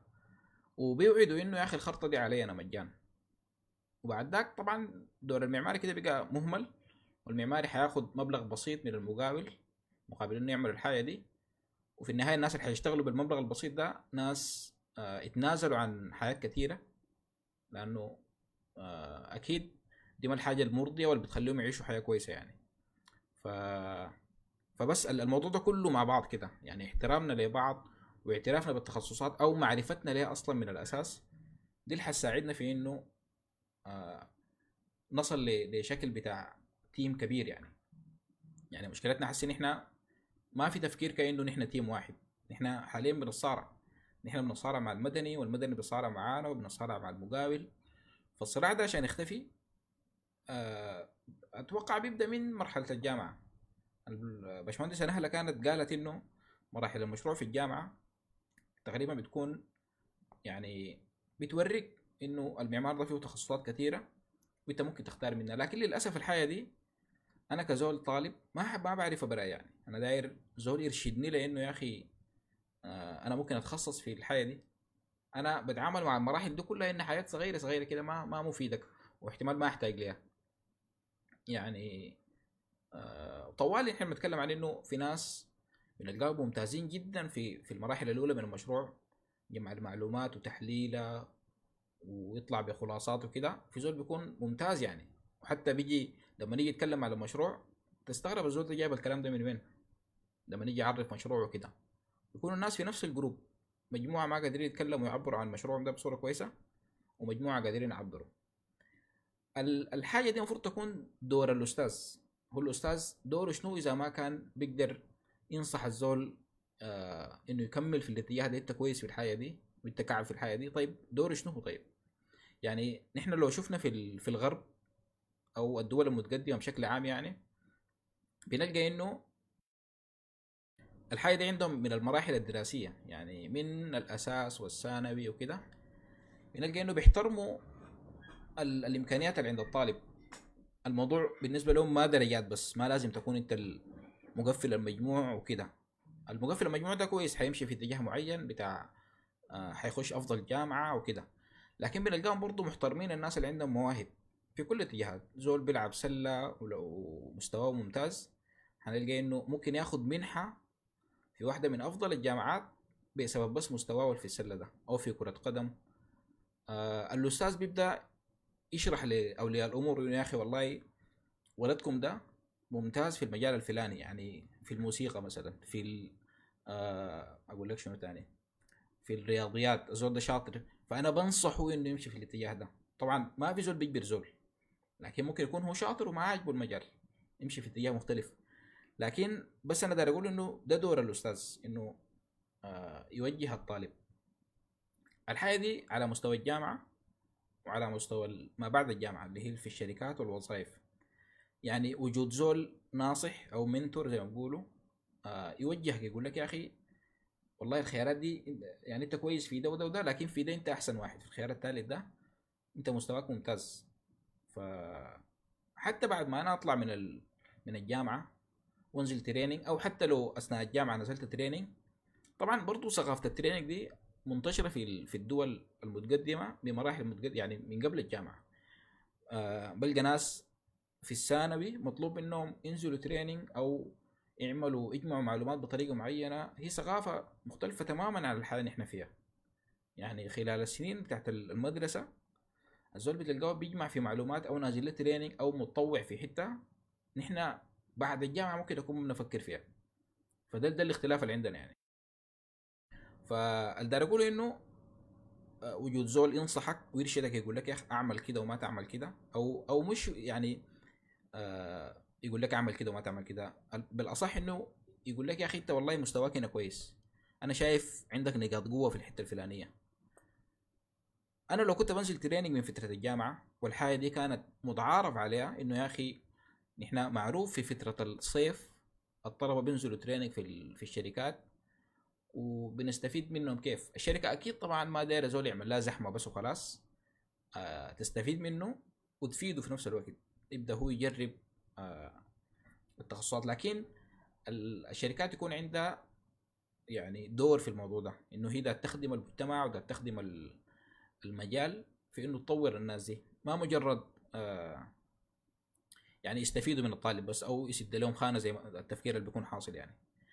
حتى بعد ما أتخرج من الجامعة لما ننزل آه تريننج في حتة أتوقع الطريقة الأفضل إنه يكون في زي مداورة في الشركة. يعني أنا لما أجي أنزل يوروني إنه أنا حليف على كل الأقسام في الفترة اللي أنا جاي فيها دي. أنا جاي مثلا شهر شهرين أي حاجة. في الفترة دي أنا حليف على معظم الأقسام. لكن لو كان أنا عندي آه تفضيل لقسم عن قسم تاني أنا بشوف إنه الافضل إنه آه يخلوني أنزل في القسم اللي أنا بفضله ده. لكن بعد ذاك ممكن ال- الزول الأوعى مني في الشركة لأنه زول عنده خبرة وكده يقدر يشوف إنه يا أخي لا لا أنا والله مستواي هنا ما كويس. لكن أنا لما عملت تاسكات معينة في في اتجاه معين كنت أفضل. فينصحني إنه يا أخي لا كده حاول جرب الحياة دي. لكن ما تكون آه إلزامية بالطريقة اللي إحنا بنشوفها دي. فكده رأيكم شنو على الكلام ده بشكل عام كده؟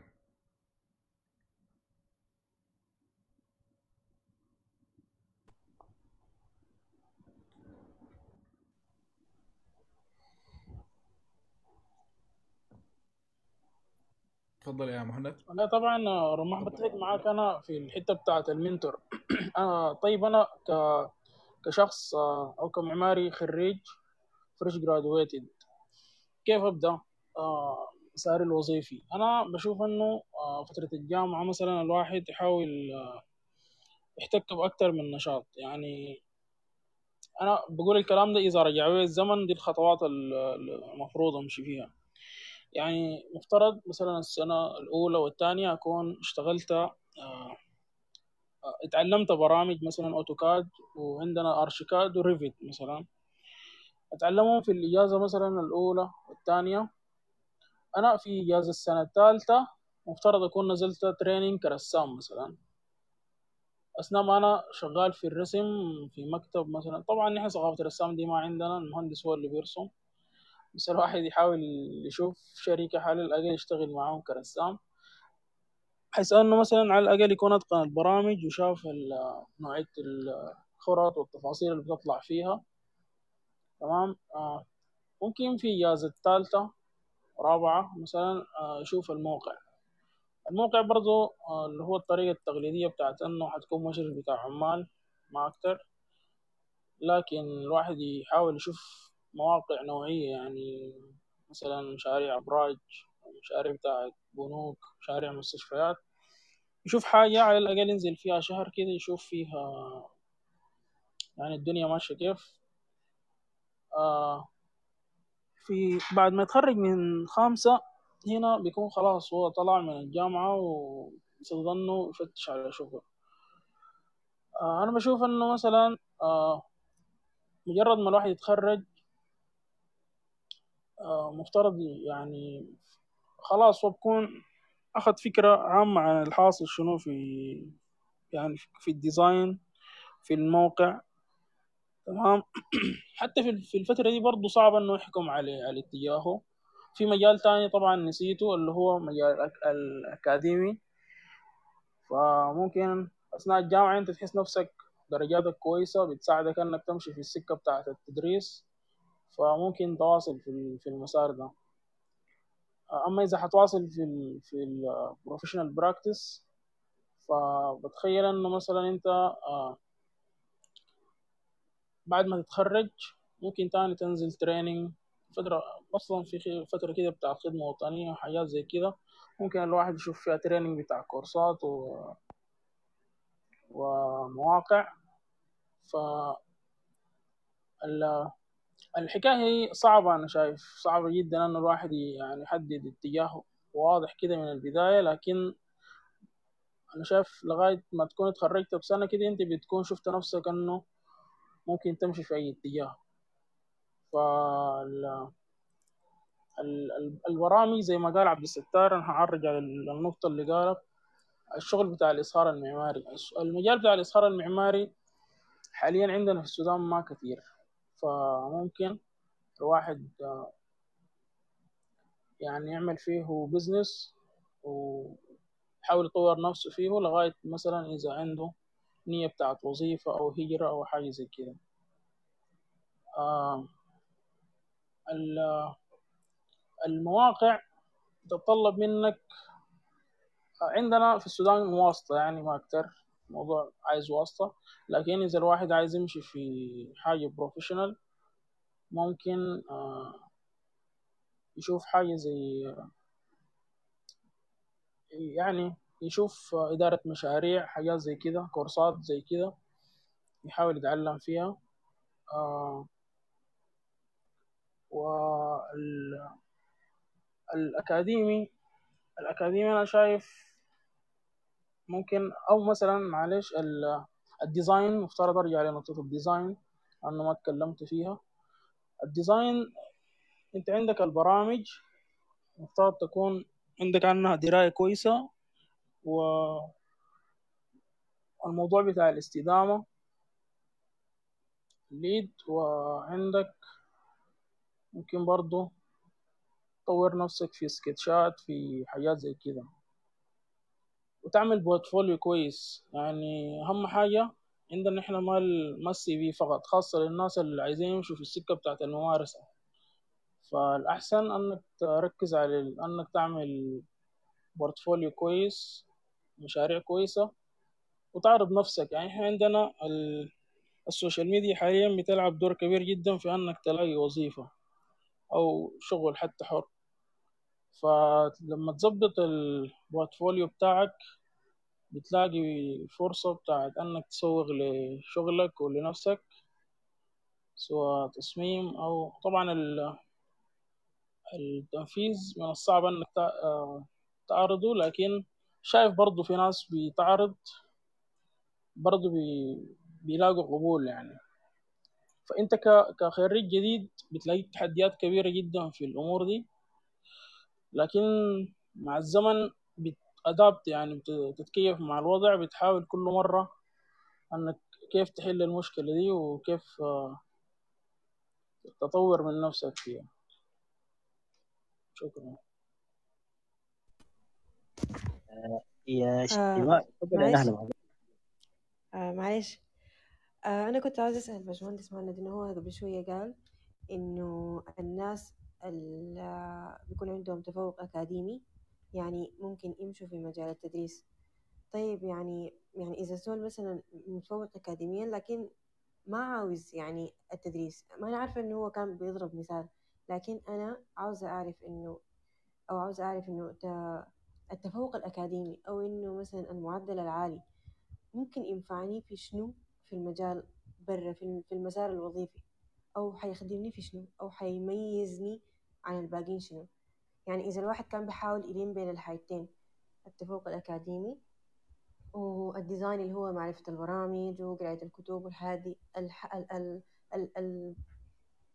ال balance أول حاجة البي... ال... ما أعرف أصيغها كيف. يعني ال- الفايدة اللي بيجيبها لي المعدل العالي شنو؟ فهمت فهمت سؤالك. يلا أضرب لك مثل بنفسي. أنا كنت يعني درجتي كانت كويسة جدا في الجامعة. تمام؟ الحاجة دي في في المسار الوظيفي ما عملت لي أي فارق. أنا لأنه من البداية ما كان عندي interest في أنه أمشي في التدريس لكن يعني ما عملت لي أي فارق. يعني حتى شهادتي طلعت برا السودان.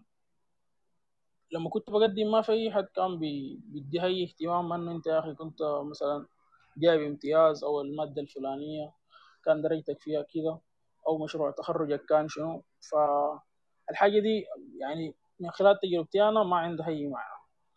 لكن في المقابل بلاقي ناس مثلا الواحد بيكون متخرج ب low grade أقل درجة وشغال في شركة كويسة ووضعه كويس و team leader فابدا الجامعة دي ما أنا بشوف إنها ما مقياس الدرجة اللي اتخرجت بيها أو المعدل بتاعك أو مشروعك كان شنو الحاجات دي خاصة في الممارسة بالنسبة لي أنا أو من خلال تجربتي بشوف إنها ما عندها أي تأثير. أو ممكن تدي انديكيشن بس إنه أنت كنت مجتهد يعني ما طبعا الحاجة دي ممكن تكون آه يعني لأنه يعني ما بعد الجامعة والوظيفة وكده الموضوع ده كبير جدا وأوسع من ال- القراية اللي قريناها. نفس الفكرة لو شفنا لو سألنا الناس حسي آه أنت استفدت شنو من الشهادة بتاعت سنة تامنة مثلا؟ سواء كنت مقفل المجموع جايب 280 ولا جايب آه ولا ناجح يا داب كده. يعني ال- ال- الفرق اللي حصل لك شنو في حياتك بسبب الشهاده سنة تامنة أو في وظيفة أو في شغل؟ احتمال الفرق كبير لأنه دي. من الجامعة ماشيه طوالي تشتغل. لكن أتوقع الفكرة هي نفسها يعني. آه عبد الستار أنت كنت عايز تضيف. حاجة تقريبا. آه والله أنا كنت عايز أرجع لنقطة كبيرة كده يعني. هي هي أنا شايفها بس لأنها متسقة مع ال- مع العنوان بتاع ال- بتاع الروم. لكن قبل ما أمشي لها بس عايز أقول حاجة صغيرة كده من الكلام اللي كان قالته باشمهندس نهله إنه بيستفيد شنو من ال- من الدرجات العالية أو تفوقه في الجامعة. هو طبعا الكلام كان قاله مهند ورماح. يعني دي الحاجة السائده كده إنه ما في ما في حاجة كده مادية ملموسة معينة كده أنت ممكن يقول لك يعني إحنا هنشغلك معانا عشان أنت كنت أول الدفعه مثلا. ما في الحاجة دي. الناس بتشغلك إن أنت تعرف تعمل الحاجة ولا ما بتعرف تعمل. لكن في فائده كده بطريقة غير مباشرة يعني. هي إنك أنت طالما إنك أنت كنت متفوق في الجامعة معناته أنت كنت مجتهد. كنت مجتهد في الجامعة آه، دي بتديك يعني دافع إنه أنت اجتهدت ولقيت لقيت ثمر لاجتهادك ده فأنت تفوقت في الجامعة. فبتخليك تواصل طوالي في اجتهادك ده. أنا شايف غايته ما ما أظن في يعني فايدة كده في في المجال في المجال المسار الوظيفي غير كده. إن هي دي ديك تحفيز لأنك أنت تستمر في نفس في نفس يعني اجتهادك على أساس توصل لدرجات عالية زي ما وصلت لها في الجامعة. الحاجة كنت عايز أقول أقول لك بيل اللي هي نقطة كان ذكرتها سابقا في المداخله السابقه أنا أنا طبعا حكررها تاني بس لأنه شايفها لو لو اتكلمنا فيها بشكل متعمق شوية ممكن تكون يعني آه يعني تضوي لناس كثيرين هنا موجودين الان في الروم وتخليهم يعني يمشوا يمشوا يمشوا بالطريقة الصح. اللي هي الحاجة اللي أنا ذكرتها الموضوع بتاع الإظهار المعماري. لو لو لو تحكوا لنا التجربة يعني نعتبرها كيس ستدي ولا حاجة بالشكل ده كده إنه كيف يعني كيف كيف كيف كيف بتاعنا ده والعالم بتاع الشركات الماشي بالطريقة اللي إحنا شايفينها دي يعني قدر يتقبل انه يدفع قروش لزول عشان يعمل إظهار معماري بس هو ما بتصمم ما بيصمم لك الشغل ده ولا بنفذه ولا بيطبعه ولا كده. هو بيعمل لك الإظهار المعماري بس. كيف قدرت تتقبل الحاجة دي الشركات؟ لو لو نحن جاوبنا على الحاجة على على على النقطة دي بنلقى نفسنا يعني مشينا مع العنوان بتاع الروم اللي هو المسار الوظيفي الطموحات. يعني من الطموحات إنه أنا عندي مسار معين في المعمار عايز أمشي فيه. المثال اللي حنتكلم عنه اللي هو الإظهار المعماري. حيتكلم يعني أنا بتمنى إنه الرماح مثلا يتكلم بشوية بتاع التعمق كده من غير يعني حاجة كثيره عشان ما نتقل على الناس.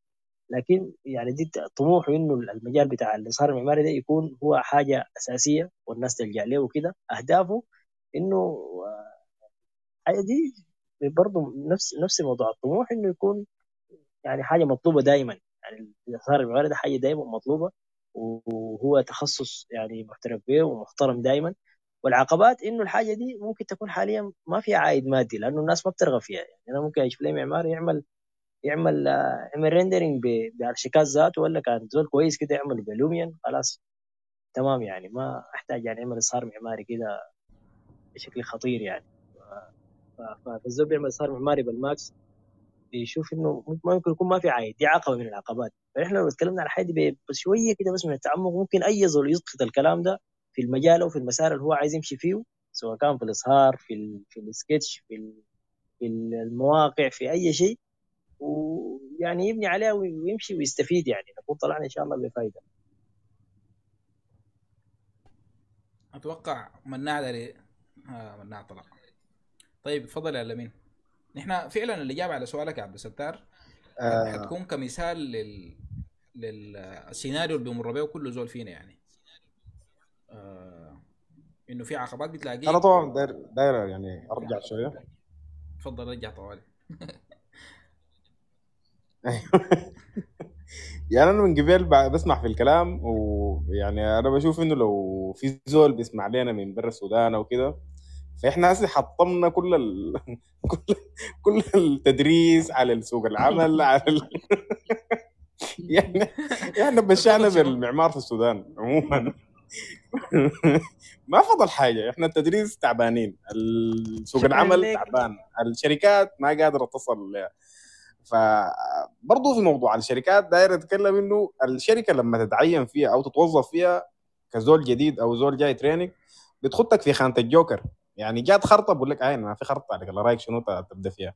آه جاء موقع بيقول لك يا أخي شوف في موقع فتح في شرق النيل ما تجري تمسكه لنا فبيكون في يعني أنت قاعد في خانة الجوكر حرفيا في أي حتة أنت المفروض تمشي تسدها. محل ما تجدد أنت تنفذ الحاجة. أيوه فدي دي المصيبة هنا إنه ما في تخصص أصلا في الشركات وفي التدريس ما في ما في ذول بيوجهك بيقول لك أنت تمشي أنت كنت صح وين؟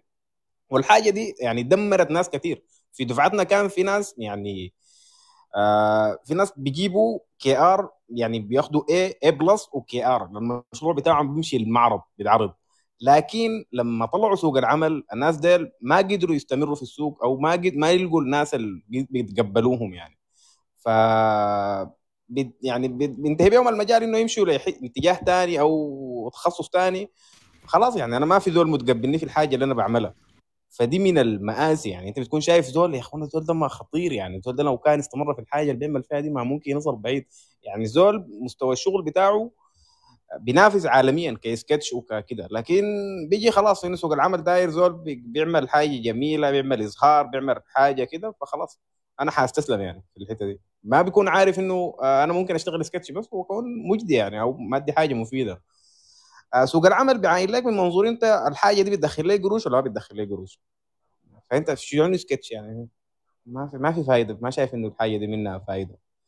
ففي مآسي كثيره في كل الجوانب من التدريس لسوق العمل ال- ال- المجتمع ذاته ما قادر يتقبل إنه فكرة الخرطة.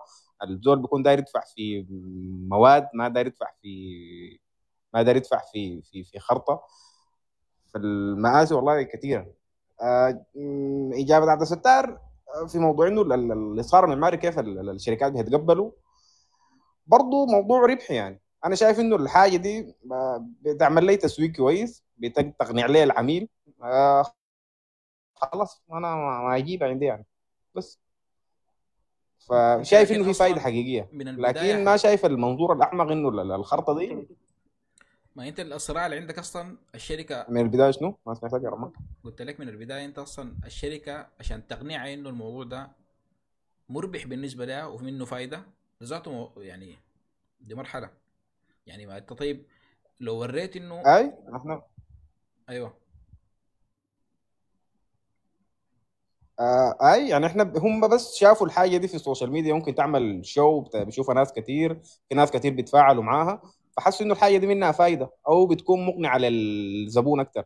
لكن ما شايف الجانب الثاني إنه الخرطة دي آه ممكن ال- ال- الصناعي اللي جايبه يفهمها وينفذ لي الحاجة بنفس ال details اللي أنا عاملها في الخرطة وتكون برضه مفيدة. فما شايف الفائده دي.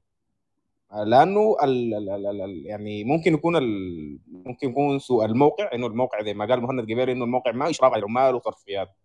الموقع إنه برضه أنت توقع أو تفهم العامل الشغال إنه الديتيلز دي منها فائده أم، ففي حتات كثيره فيها جاب يعني ما ما قادر ما قادرين يحسوا بالفائده اللي فيها يعني. طيب نحن هسي. كملخص للحال بنقول فيها دي نحن زي ما قلت لما نحن قلنا ال- الدنيا كلها بايظة يعني. يعني في مشاكل في الجامعة في مشاكل في من الأساتذة سوق العمل نحن ذاتنا ما عارفين نختار شنو. آه الحالة بتلم الحاجات دي كلها مع بعض. أو نحن يعني ما بنقول في مشاكل بس ودايرين نمشي وخلاص. لا نحن بنحاول نقترح الحلول. إنه يا أخي دور ال- الأستاذ في الجامعة إنه يكون مرشد وناصح للزول. إنه يا أخي أنت أحسن وكده. الشركات يكون عندها سيستم بتاع تعيين وتوظيف وتدريب. معروف الجامعات بتأجز فيها شهور ومعروف 200 الطلبة ممكن ينزلوا تريننج فأنت كيف تفيدهم وكيف تستفيد منهم وكيف تعمل مداورة عشان تاخذ أحسن نسخة من كل زول. فنحن بن- بن- بنقترح في حلول اثناء ما بنقول في في المشاكل يعني. آه طيب. آه نحن المطلوب من كل زول أول شيء يبدأ يشوف المجالات دي المجالات المختلفة دي ويلقى نفسه يعني. شوف أنت بتحب يعطي مجال. آه، أول شيء موضوع المادة ده وإنه يكون بيدخل قروش أتوقع دي ده الشيء الأساسي اللي بيخلي الناس يتجهوا في في اتجاه معين عن الثاني يعني. لكن النصيحة اللي بنقولها ده ما كلام بتاع تنمية بشرية ولا كده لكن حب ما تعمل لتعمل ما تحب والكلام اللي بيقولوا ده. لكن دي حقيقة. انت المفروض تصارع في انك آه يعني تصير على الحاجة اللي انت لقيت نفسك فيها دي تبقى لك هي مصدر دخلك وشغلك ال- الأساسي يعني. بأي شكل هي كانت شنو؟ أو ايا كانت هي شنو؟ إصرارك ده في يوم من الأيام حيخليك تدخل لك قروش حتى لو أنت اضطريت في مرحلة من المراحل تتنازل تقول يا أخي والله أنا حاليا مثلا المجال اللي أنا ماشي فيه ده ما مرغوب في السوق وما موجود لكن مش في الدنيا دي موجود مش في مجال بالشكل ده. تحاول تطور نفسك وت- وتواصل في تطوير نفسك في الاتجاه ده آه على أمل إنه يوم من الأيام تقدر ترجع وتشتغل فيه. يعني ده يكون ال- ال- التارجت والهدف بتاعك الرئيسي إنه أنا حتنازل حاليا. أنت بتخاطب في نفسك بصورة مستمرة. إنه أنا في الفترة الجاية دي آه حتنازل. طبعا دي, ما الحاجة المثالية. أنت لو عندك آه إمكانية تصارع وتسبح عكس التيار زي ما بيقولوا إنه لا أنا ما حدخل قروش في حياتي دي إلا عن عن طريق المجال اللي أنا آه حابيه ده. وصراحة في فترة بسيطة جدا حتلقى إنك يعني دخلت قروش وبقى هو شغلك ومصدر دخلك في نفس الوقت. زي ما قبل عبد الستار قال إنه ده دورنا نحن إنه نوعي الناس. و يعني طبعا الكلام كله كان عن الخرط ولأنه دي يعني ألف باتاسا معمار ونحن بنواجه فيها صراع. فما بالك بباقي المجالات ال- اللي أصلا ممكن يكون الناس ما سمعوا بها فالصراع حيكون أكبر طبعا. فده من دورنا نحن برضو. يعني يعني آه العبارة اللي قلتها قبل يا عبد الستار اللي أنا بعرف بها نفسي دائما بتاعت معماري متخصص في الإصالة المعماري دي عندي صاحبي تاني برضه بيضحك فيني طوالي في الحياة دي. يعني لما يضرب لي تليفون بيقول لي معماري متخصص في الاصاله المعماري. ف لأنه أنا أنا عدتها كثير أنا يعني كنت حريص إنه اقولها إنه أنا لما أعرف نفسي أقول كده كده بتخصص في الكده. عشان يعني يعني داير أوضح الحاجة دي. أنا كنت حريص إنه أوضحها طوالي واقولها فنحن فعلا دورنا إنه ما أنت أنت إذا عرفت إنه مجالك ده زي ما قلت موجود في الدنيا فأنت دورك إنك تقنع الناس به يعني لأنه ما زول عارف لك فايدته.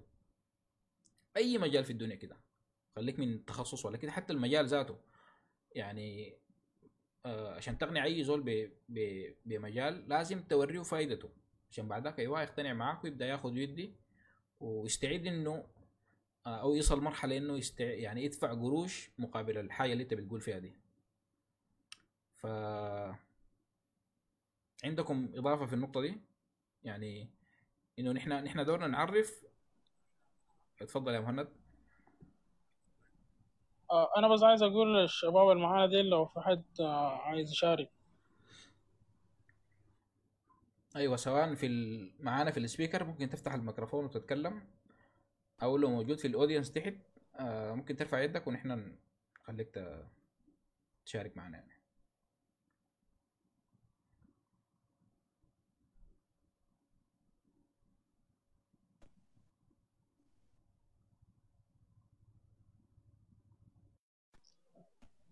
تفضل يا ضرار السلام عليكم شباب السلام ورحمة الله. سامعني كويس؟ صوتي كويس؟ اي صوت ممتاز. واضح أيوه. كيف الحال؟ آه طيب معلش أنا بس حصلت لي ظروف كده ما قدرت أبدأ معاكم من البداية. لكن آه يعني الواحد حب يعني يشارك مهما كان.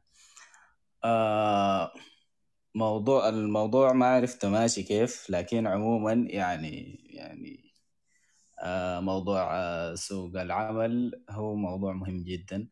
آه، من ناحية بتاعت إنه أنا والله صراحة كنت حابب إنه الموضوع يكون يعني قادر أفهم التسلسل مشى كيف لكن ما مشكلة. يعني طيب أنا ممكن الخص لك آه، بصورة سوق سريعة. كده العمل ولا أيوه. نحن اتكلمنا عن خلاص إنه تمام كلام جميل. آه هيتوقع في ناس برضو خشوا معاك قبل شوية. فممكن الملخص يكون مفيد بالنسبة لهم. نحن اتكلمنا بصورة سريعة كده تمام عن عن موضوع التخصص. منه يا أخي آه سوق العمل ده فيه تنوع كبير بتاع تخصصات. الكلام ده عالميا. نحن بنفتقد الحاجة دي في السودان. ف آه، الصراع ده بيبدأ من الجامعة إنه بيحاولوا يوجهوه في اتجاهات معينة وأنت بتكون شايف نفسك في اتجاهات تانية. بعد ذاك اتكلمنا عن دور ال- الأستاذ في إنه هو المفروض آه، يكون بيقدر يشوف ال- المواهب في الطلاب أو تميزهم في اتجاهات وينصحهم إنه يا أخي أنت كويس في الحاجة دي بدون ما يعني يجبروا على اتجاه معين. نفس القصة ده دور الشركات لما تنزل ناس تريننج يكون في نظام بتاع مداورة والناس آه، تجرب كل التخصصات عشان تلقى نفسها في حتة معينة. وممكن أنت ما تلقى نفسك لكن يساعدك آه، مهندس قديم أو هو حيكون المنتور بتاعك في الشركة في إنه يوريك أنت أحسن في الاتجاه ده وواصل فيه. وضربنا أمثلة بأنه في في المدارس آه، الحاجة دي موجودة في الدول المتقدمة إنه من المدارس بيبدوا يشوفوا المواهب بتاعت الناس وقد تكون المواهب دي دو يعني سبب في إنه زول يخش جامعة من الجامعات ال- ال- المتميزة في في في البلد يعني وحتى الجامعة ممكن تفتخر بأنه أنت موجود في. يعني في يوم من الأيام أنت جيت قريت فيها سواء كنت لاعب مشهور أو آه، يعني من من تخصص تاني يعني. فبس ده ده كده ملخص سريع. فنحن حاليا بنتكلم عن إنه أنت بعد ما يعني المفروض تعرف تخصصك أو تحاول تلقى تخصصك وتفتشه. ويعني الحلول اللي بنقول فيها إنه الاساتذه المفروض ينصحوا الناس وال- والشركات المفروض توجه وال- والزول في النهاية هو ال- القرار في يده يعني. لو لقيت مجال حسيت إنه ده الأنسب بالنسبة لك وأنت شايف نفسك فيه خليك حريص إنه أو يعني اسعى وقاتل في إنه يكون ده مصدر رزقك عشان أنت تكون شغال في الحاجة اللي بتحبها يعني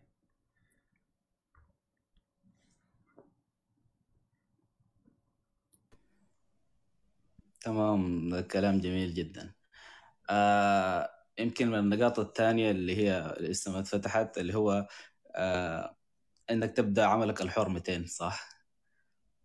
أيوه دي نقطة ما تكلمنا فيها و يعني ممكن يكون ده ولا لسه ما ما ما قفلنا المواضيع دي؟ والله يا أخي أتوقع يعني يعني تكلمنا فيها بصورة كويسة. ممكن إحنا نمشي للنقطة دي. هل إنه أنت في نقطة تانية قبل كده أنا بس داير داير يعني أخش لكم فيها.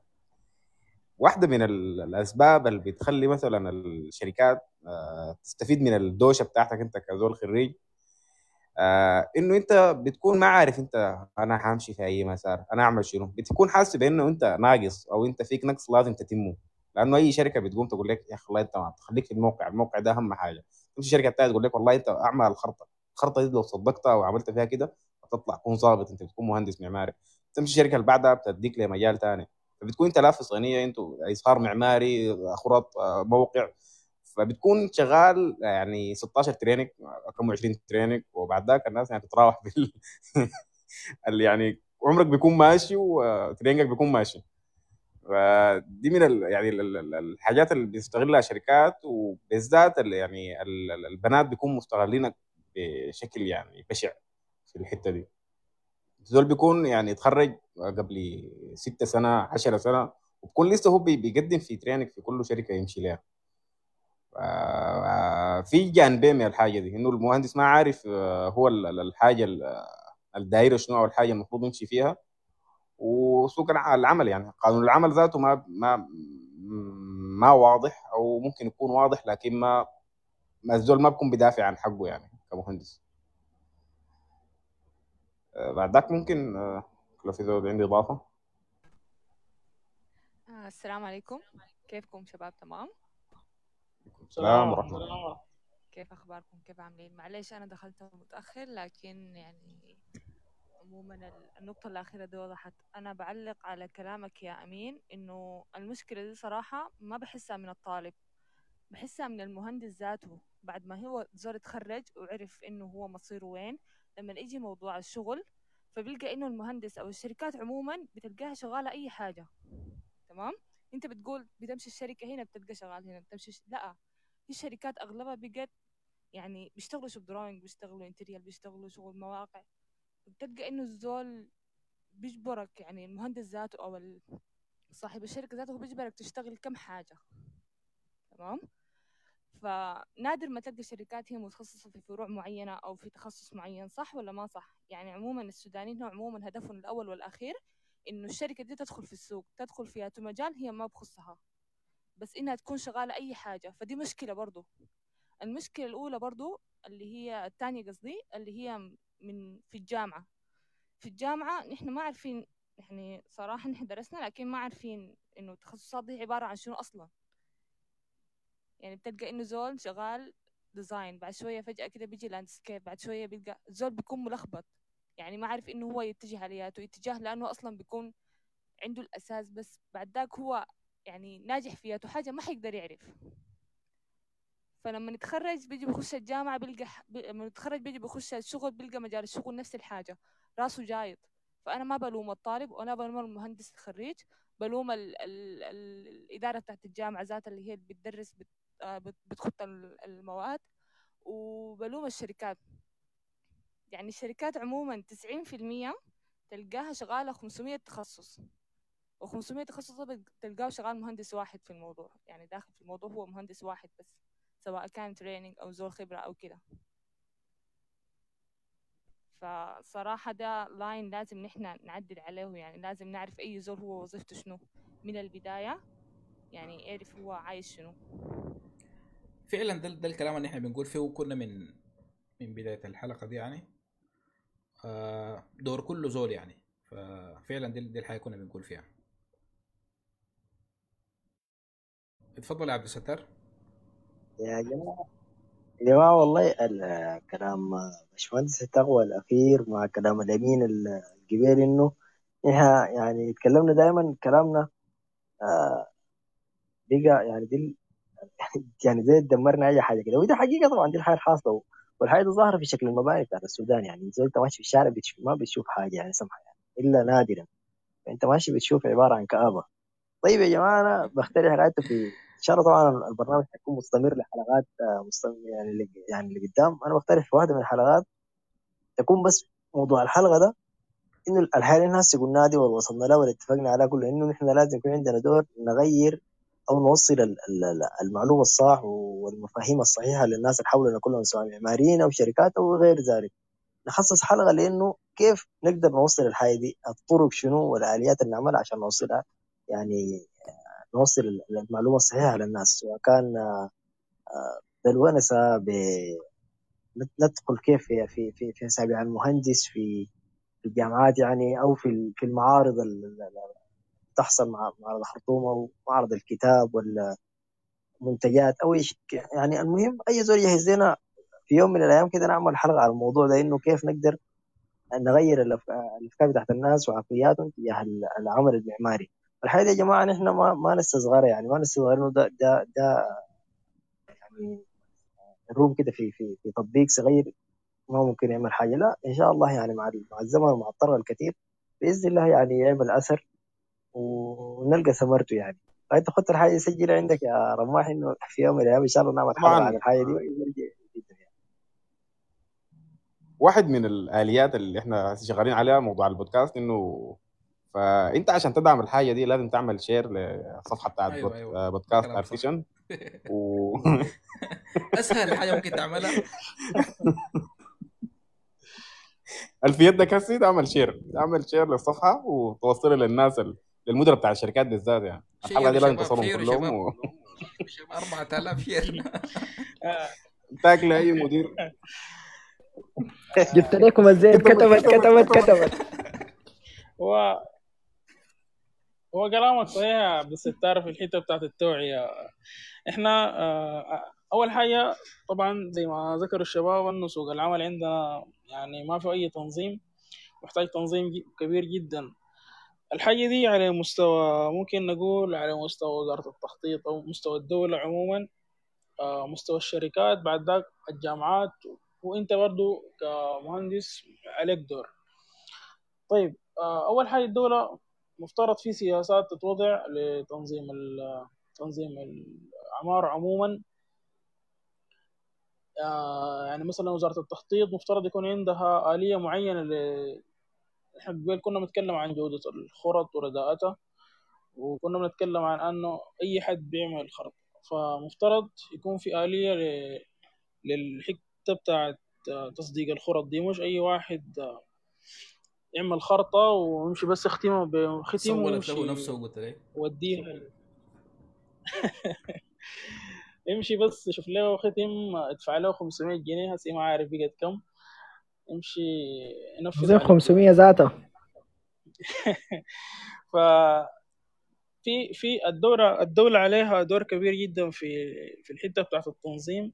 الشركات أنا صراحة يعني باخد عليها لوم لكن في نفس الوقت أنا ممكن بتكلم من ال point of view بتاعتهم برضو. يعني أنا كفرض أنا صاحب شركة أنا بدور على مصلح مصلحتي نمرة واحد. يعني موضوع إنه تنظيم ال- المهنة وكذا ما أظن بيفرق مع مع الش- الشركات كثير مع إنه فيه امباكت كبير جدا بالنسبة لهم لكن هم ما حيستشعروا لأنه هم فكروا لحظيا هو عايز عليه ضغط بتاع رواتب مشتريات ويكون عنده أنشطة تانية برضه بيكون عايز تمويل وكده.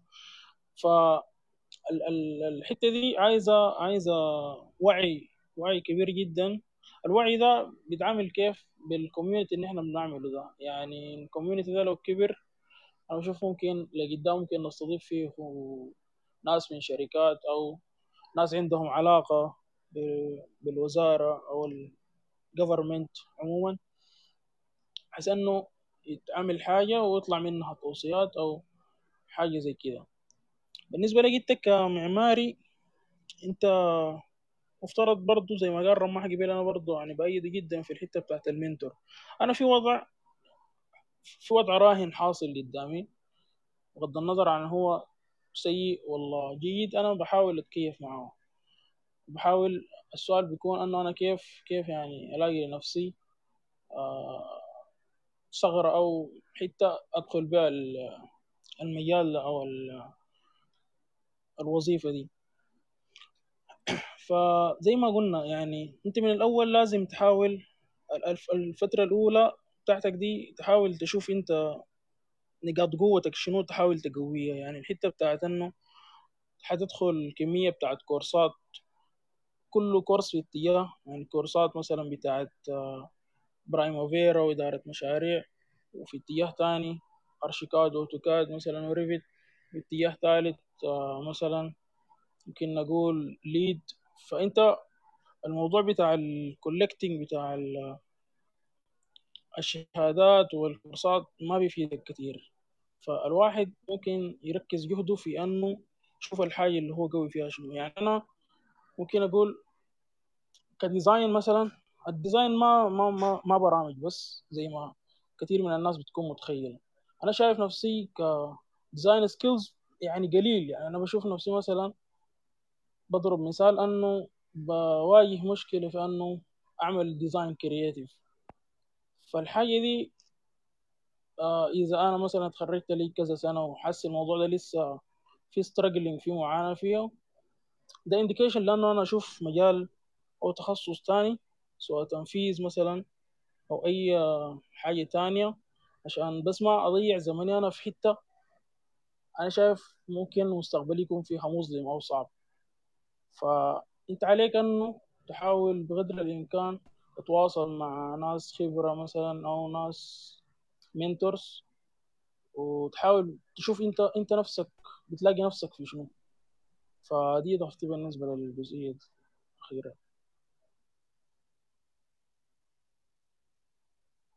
آه، في حاجة أنا بس داير أتكلم فيها. إنه كيف أنت بعد اتخرجت؟ أنت هسي مثلا اتخرجت من الجامعة وداير تقدم نفسك للشركة. فالشركات يعني بتستقبلك بصورة كعبة شديد يعني بيشوفوك كده أنت خريج ممكن طبعا يا امين يقربوا عندك ما شاء الله خبرة حلوة في المجال ده. في الاتجاه ده صح؟ فأنت لما أنت تكون في الاتجاه البشع ده. فانت اتخرجت من الجامعة فانت بتكون خلاص أنا داير أسوق نفسي أو يعني أقدم نفسي للشركه إنه كيف تستقبلني. أنت أول حاجة إما تخش للشركه يعينوا لك كده باشمئزاز زي أنت في زول زول كعب داخل الشركة. وكده الناس تكون عليك نظرة غريبة كده. قدمت نفسك لل- للسكرتير أو للزول المفروض يعني يديك خطوة لقدام فبتحس بنظرة القرف منه. بالحاجة دي يعني هو ما بيكون قاصدها لكن هم هو ما شاف الزول أصلا قاعد يجي يتعين بالطريقة التقليدية دي. أنت المفروض تكون عندك واسطة يعني. ما المفروض تجي تقدم بالشكل ده. أنت غلطان بيكون بيعين لك كده يعني. أو انت أنت ود منو يعني في الشركة دي عشان تجي تبي الصورة الوقحة دي. فدي حاجة بطالة شديد أو أنت قايل أو انت انت أنت قايل نفسك منو جاي بالشكل ده. فهو ما شاف إنه في الشركة الشركة في في في تعيينات قاعد تمر وتخش وتطلع و... يعني الحاجة الطبيعية اللي بنشوفها مثلا في دول ثانية أو كده. طيب. يعني أنت بتتكلموا عن إنه زول زول يوجهك. انت ما في زول ما في زول بيعينك أصلا عشان يوجهك. نحن والله صراحة حقنا ده ضايع بالواسطات يعني صراحة كده. آه، ما نحن يعني كلا- كلامنا زي ما قلنا إنه المنظومة كلها بايظة. يعني ما في نظام بتاع تعيين ثابت بتاع تريننج ثابت. يعني الشركة الشركات لو بتفكر يعني أتوقع الشركات الكبيرة مثلا زي ناسدال وكده عندهم برامج تدريبية سنوية ثابتة للخريجين. بيبدوا يستقطبوا الناس الاوائل الدفاع والناس ال- آه، مستوياتهم كويسة في إنه ينزلوا في تريننج لأنه الناس عندهم رؤية وخطط مستقبلية للتوسع يعني. فناس زول اللي بيكون داير يكبر ده دائما بيحاول يستقطب الناس ويجي يشوف مستواهم يطورهم. على أمل إنه يوم من الأيام ممكن ينفعوك أو حتى أنت بس تكون مساهمة منك لل... للمجتمع. الحل الموضوع ده كله إنه يكون في رؤية شاملة. يعني زي ما قلت لك آه، دي الحاجة الناقصانا نحن.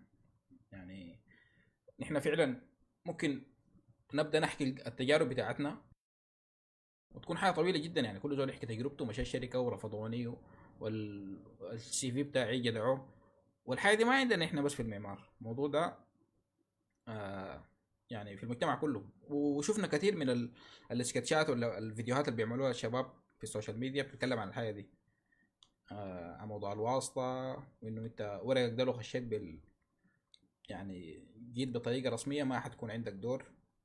ففعلا فعلا الموضوع يعني كله كده مع بعض جايد آه طيب نحن مساهمتنا في الموضوع ده زي ما قلت يا عبد الستار إنه يكون في آه. توعية مننا كل زول في تخصصه. بما إنه آه نحن تخطينا المرحلة بتاعت ال- التعب اللي كنا تعبانينه في إنه نختار مجال وكده. يعني أو أي زول ما ما بتكلم بالضرورة نحن متحدثين ديل. أي زول شايف نفسه آه قطع شوط في إنه عرف المجال بتاعه بقى زول متخصص في اتجاه معين فدوره إنه يوعي الناس بالحاجة دي. إنه يا إخواننا آه والحاجة الغلط اللي أنا كنت بقع فيه إنه كنت بجبر الناس اللي حواليني إنه يخشوا في المجال اللي أنا بعمل فيه. يا زول انت عاوز آه، تمشي لقدام وتدخل قروش ما عندك غير الاظهار المعماري. والحاجة ده, ده نفس الغلط اللي كان آه اللي بيقعوا فيه حسن الأساتذة والدكاترة في الجامعة وما بعد الجامعة. ال- الصح إنه أنت بس توضح مجالك ده عامل كيف والمهارات المطلوبة منك عشان تخشه أو عشان الزول الثاني يقدر يدخل المجال آه وتحاول توجه الزول بشكل عام يعني لكن ما تفرض عليه رأيك وما تنفي له أو تعيب له باقي المجالات. تفضل يا ضرار آه، طيب طيب. طبعا آم، من من الحاجات ال- ال- المشاكل الكثيرة اللي حاصله في السوق قادتنا لحاجة حاجة كده شوية أنا بديت أحس إنها بدات تبقى كثيره أكثر من اللازم شديد. اللي هي موضوع إنه أنا تخرجت ما لقيت فرصة مثلا بتاعت آه، بتاعت شغل. في السوق. فوقفت شوية كده فبقيت إنه أقول إنه يا أخي العمل الحر براي لي أنا أفضل من من الشغل. يعني النقطة دي أظن في ناس منتظرين كثير اننا نسيرها يعني الحتة دي بالذات إنه أفضل أنا أبدأ كيف؟ أنا عارف الناس بدت ولا ما بدت في الموضوع ده. لكن كوني إنه أبدأ هل أبدأ براي طوالي كده تخرجت الليلة تخرجت يوم يومين من التخرج. أخذت لي شهرين؟ أخذت لي تريننج في حتة معينة؟ بعد ذاك لقيت إنه الموضوع ده صعب والموضوع الشركات ده ما بقدر عليه والموضوع ده قاسي شديد. فقمت طوالي عملت شنو؟ عملت شغلي براي هل الحاجة دي يعني يعني الحاجة دي بقت صراحة كده إنه أري أغلبية الناس بدأت هو ده الاتجاه الأسهل طبعا والاتجاه ال- ال- الزول اللي بيقول يا أخي أنا عايز اتعب في النهاية إنه التعب يكون حقي أنا. فبيبدأ من ما يعني خبرته لسه بسيطة شديد بيحاول إنه طوالي شنو يبدأ في ال- يبدأ في الشغل بتاعه الخاص. الحاجة دي آه هي لها طبعا مساوئ كثيرة جدا جدا وهي لها فائده فائده يمكن تكون لحظية أو فائده قري- قريبة المدى. فإذا الناس ممكن تبدأ تصير النقطة دي أنا عندي فيها إضافات. يلا آه بس أنا داير أديك آه ده ده مداخلة كده في كلامك. إنه الحاجة دي ما سهلة. ما من السهل أنت طوالي يعني أنا كنت عايز ممكن الناس تكون من برا الحاجة دي سهلة لكن الموضوع ده يعني صعب جدا إنك ت- تكون تقدم. ما شوف أنت إذا تعينت في شركة أو إذا أنت ساعد تتعين في شركة فأنت لازم تكون بتقدم حاجة. الشركة ما حتعينك عشان أنت مثلا وسيم أو إذا أنت آه، يعني عشان حاجة تانية غير أنت المنتج أو الحاجة اللي بتدخلها للشركة. آه، أنت دخلت حاجة للشركة آه، قادر تقدمها لها كموظف فأنت ممكن ممكن يعني وما ممكن برضه ممكن تقدمها للشركة من برا وممكن تقدمها للشركة من جوا. فأنت بتقوم برا بت... أنت بتكون عليك نقاط كثيرة ونقاط ضغط كثيرة في إنك كيف تسوق الحاجة اللي أنت بتقدر تقدمها. للشركه دي. وكيف تصل الشركة؟ وهل الشركة حتكون يعني مشجعة إنك أنت تشتغل لها الحاجة دي برا؟ ما بقول الشركة برضه بتكون وجهة نظر إنه أنا لازم أعينك. أنا أدفع لك 10000 و... وتكون شغال معايا الحاجة ولا أدفع لك 20000 وأنت حتشتغل لي في يومين أو في كده؟ فده صراع صعب يعني ما حاجة سهلة إنك تقول تشتغل freelance أو كده. فخيار الوظيفة هو الخيار الأسهل. ال freelance بيكون يعني حاجة متعبة ما حاجة أيوه. سهلة. فعلا لأنه آه أو مش ممكن الزول يربط بيناتهم. ولا كيف يا امين؟ آه والله يا أخي أصعب واسهل دي تخيليه بتختلف من زول لزول. ممكن في زول يكون شايف الوظيفة بالنسبة له كارثة يعني. يعني أنا ما صدقت انتهيت من الجامعة البيت الزول يربط بيناتهم يا رماح أيوه. ولا رأيك شنو يا امين؟ ممكن ممكن يكون في حاجة في في النص. أنا بس دار دار يعني أغطي الحاجة بشكل عام. إنه الوظيفة ما بالضرورة تكون سهلة لك آه سهلة لكل الناس وكذلك العمل الحر. لأنه آه ممكن نلقى في كل واحد في صعوبات وفي آه يعني نقاط نقاط آه، سهولة وصعوبة. العمل الحر بيتطلب منك التزام لأنه ممكن تبدأ عمل حر وتفشل فيه تلقى نفسك ما قادر. يا أخي أنا ما ممكن أكون بفكر في تسويق وبفكر في التزام وأنا قاعد في البيت براي أصحى الصباح عشان أشتغل ده لو شغال من البيت يعني. فبرضه في جانب تاني ممكن يكون الناس ما شايفينه. وحتى موضوع العمل الحر ده ناس الشركات للأسف في السودان لحد هسه بي يعني بيتناولوه بصوره ما جادة يعني يعني بيسخروا منه. وكثير بنسمع عبارات إنه يعني أنت freelancer ساي ما, شركة بالله وكده يعني حياه زي دي. ف برضه نحن في الحتة دي المفروض نت- نتفهم الموضوع ده. واحدة من الحاجات اللي كشفت لنا الأهمية العمل الحر والشغل أونلاين وبالنسبة لنا كأفراد أو حتى للشركات الكورونا. لما جات الكورونا دي ورت الناس إنه أنت لو كنت معتمد على وظيفة ممكن في لحظة الشركة دي تتخلى عنك لأنه أنت أو في أعباء كثيرة عليها. والشركات في نفس الوقت لقت إنه لو تتعامل مع زول ك freelancer outsource ممكن يكون ما ما تحصل له الخسائر. أنا فاهم نقطتك يا ضرار في إنه الزول الخريج 200 يختار إنه يمشي في اتجاه ال- العمل الحر. وهو زول ما عنده خبرة. كيف انت من زي ما بيقولوا من قول التيت تقول يا أخي آه أنا حاشتغل شغل حر. فعلا السؤال ده مهم. طيب أنا رأيي. أنا واحدة من ال- التجارب اللي عندي آه إنه التخصص اللي أنا يعني توقعت إنه اكون فيه كويس أو آه، حبيته أو داير أمشي فيه ما كان موجود في شركات. فأنا لو مشيت خشيت شركات الشركة ما حتضيف لي حاجة. لو لو نزلت تريننج ولا اشتغلت موظف ولا كده الشركة ما حتكون بتقدم لي. بالعكس حتكون خصمت مني ساعات في في اليوم مقابلة ما حتدي لي المقابل المرضي بالنسبة لي. آه وفي نفس الوقت ما حيكون عندي وقت عشان أتعلم وأطور نفسي في الاتجاه ده حقوم ألقى نفسي بقيت آه يعني ماشي مع القطيع. ال- التيار موديني على وين أنا ماشي معاه بس يعني ما ما قادر ما حقاوم. لكن لو أنا مثلا مجالي آه عشان أتطور فيه وبتطلب إنه أقرأ براي وأطور نفسي وأخش كورسات وأتعلم سواء اونلاين أو في كذب معلش يا رمح بس قاطعك دقيقة. تفضل قاطع. من حقك. آه هل أنا بس عندي تساؤل بس؟ لا لا ما من لا ثواني بس. أنا بس يعني ليه كلامك ذاته يعني؟ في حاجة في كلامك. آه هو منو ال- منو خريج بيكون ماشي يتعين في شركة عشان يستفيد منها في الحاجة ال- ال- اللي هو ماشي لها. يعني مثلا أنت مثلا فكرت في حاجة كويسة إنه قلت أنا والله يا أخي ما في شركة بتضيف لي في مجال الإصدار المعماري. فأنا ما حأمشي شركة أو ما حأمشي أفتش لشركات. إحنا منو كان خريج؟ منو؟ مشى قال والله يا أخي أنا عندي المجال الفلاني ده أنا حاسس نفسي ممكن أمشي فيه لقدام طيب ما أفتش شركة هي كويسة في المجال ده. والله دي يعني يعني ده كلام بتاع زول هو يصل يعني. فالحاجة دي برضو محتاجة إن تكون عارف نفسك أنت كويس في شنو وتفتش. إحنا المفروض تكون كزول خريج يكون عارف نفسه هو ماشي في أي اتجاه وهو داير يمشي في أي اتجاه لقدام. ويحدد يعني أنا ما اتعين في شركة مجرد إنه أكون دايش بس خاشي شركة دايش أتلفت يمين شمال ما عارف ماشي وين. فالحاجة دي المفروض تكون أنت من الجامعة عرفت طيب. لقيت الزول المرشد اللي وجهك أنت كويس في شنو؟ أنا أتوقع الضرار شاف الموضوع من منظور تاني. فنحن بالمناسبة يا اخواننا وصلنا. ساعتين في ال... في البث بتاعنا ده. فبقدر الإمكان نحاول يعني نختصر لأنه الحلقة دي حيسمعوها ناس بعد ما البث ينتهي. فما داري إنها تكون صعبة بالنسبة لهم. بالرغم انه انه النقاش لسه يعني في كلام المفروض يتقال لكن نحاول نختصر. دراري أنت منظور يعني شايف العمل الحر بالنسبة للخريج وكده؟ بمنظور ثاني كيف؟ بالضبط. أنا يعني أنا كلامي كله ما كان على أساس إنه الزول ال- مثلا اتخصص شديد أو وصل أو مثلا رماح مثلا يعني.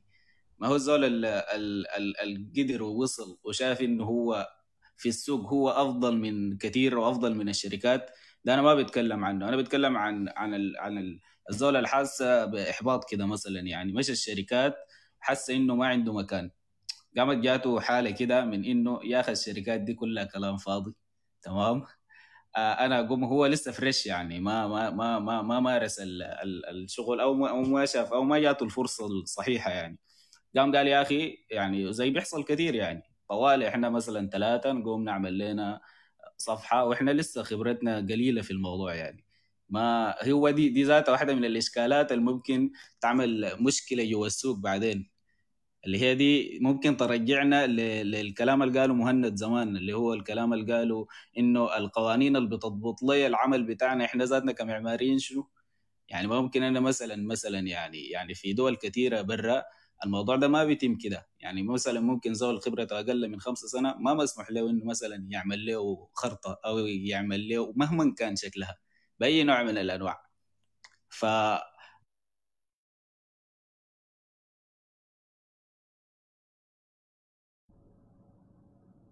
أيوه واصل. آه، الصوت شكله قطع ولا في حاجة؟ صوتك قطع يا ضرار. كان عنده مشكلة في الشبكة.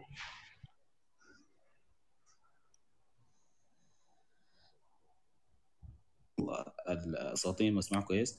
بعد كده رجع. كان راح. أيوه اختفى زي 30 ثانية كده. طيب. تمام زي ما قلت لك قلت لك في في مجالات أنا عايزك تنبه على إنه يعني أنا كلامي كله عن إنه الزول الفريش بعد حصل له إحباط من السوق أو حصل له إحباط من الشركات وما لقى نفسه والفرص ولقى إنه التعامل كعب وكده. آه، طوالي قرر قال يا أخي أنا ما أقوم أعمل عمل حر براي. أعمل لي صفحة وأعمل لي بتاع وأنا وأبدأ أنشر لنفسي وأشير لنفسي. الحاجة دي automatically كده بتقوم تعمل له مثلا ما جاء قبول من الناس ما جاه يعني ما سوق لنفسه بطريقة صح. الحاجة دي طوال ممكن تخلي طيب أنا حواصل من كلامه. آه الحاجة دي آه هي كعبة. يعني أنت لو آه قدرت تصل للناس وتصل للسوق آه يا ضرار. لو قدرت أنت مثلا أنت ومعاك ثلاثة أصحابك وكده آه تصل للسوق وتأثر في السوق دي حاجة كعبة ولا وتقدم ما قادر منتج تقدم منتج أحسن من اللي لا لا. الشركات لا. لا لا لا لا أنا ما بتكلم من الناحية دي يا شباب معلش. أنا أنا بتكلم طبعا عن إنه زول ما عنده. أنت من منظور شركة ونحن من منظور آه، لا لا أنا فاهم حر. فاهم. أنا طبعا أنا ط... لا لا لا لا ابدا ما كده. أنا يعني مثلا رماح وأمين ما تسقطوا الحاجة دي عليكم يعني مثلا يعني. اللي هو الزول مثلا أصلا هو في مجال عابر مثلا يعني. لا ما أنا بتكلم أنا بتكلم أنا بتكلم عن الناس الزول اللي مثلا ما لقى فرصة جوا شركة مثلا يعني. ما لقى فرصة جوا شركة وهو لسه ما أخذ أي نوع من أنواع ال- الحاجة يعني دي انواع آه التخصص. فعلا فهمتني؟ بتنطبق الخبرة اللي حتى بتأهله إنه يكون يقدم حاجة براه أيوه حتى على بالظبط. مستوى الكورسات. بالظبط. الناس اللي بدت يعني بيعملوا مثلا كورسات ولا بيفتحوا معاهد ولا هي الموضوع زي ما قلنا مشربك مع بعض يعني. يعني في ناس آه برضه بيقوم بي- بيطلعوا من الجامعة بيفتحوا بيعملوا معاهد بتاعت كورسات وللأسف ال course بيكون آه بيحاولوا يجزئوه لأشك... لأجزاء كثيرة عشان يكون منه فايدة. عارف لك beginner و advanced و super advanced آه وفي النهاية أنت بتكون ما طلعت بحاجة فيها فايدة. نفس القصة دي الزول اللي بيقدم محتوى تعليمي آه ما كويس أو فيه خلل نفس الحاجة بيقدمها في السوق يعني. آه أنا فهمت فكرتك. ف طيب ما نحن ال... ال... يعني المنظومة دي حاجة واحدة كده. شركات لو ساعدت الناس وبقت عندها سيستم ما حت ما حتصنع ال- السوق ده. يعني هو صراع كده حاصل في كل الاتجاهات دي. طيب أنا أتوقع بالظبط آه، أتوقع كده. أنا بس طبعا في تمام. في آه تفضل يا ضرار هي زي ما قلت لك بس معلش إنه الزمن مشى. أنا بس آه، حبيت أنبه على النقطة دي لأنه في ناس عندها حماس شديد يعني في الحتة دي. حماس شديد في إنه بيقوم بيحاول إنه يعمل شغله الخاص من البداية كده من البداية. طوالي كده يعني. بس زي ما آه. قلت لك إنه لابد إنه يكون الناس توعي لنقطه إنه في في مجالات في مجالنا ذاته بتح- بتحتمل إنه إنك تشتغل شغل حر من البداية وتشتغل على نفسك. وفي مجالات تانية لابد إنك تمشي بالسيستم المعروف يعني. آه، معلش في في مداخلة هنا في فيسبوك عبد أبو عبد الله طبعا انس ال- ال-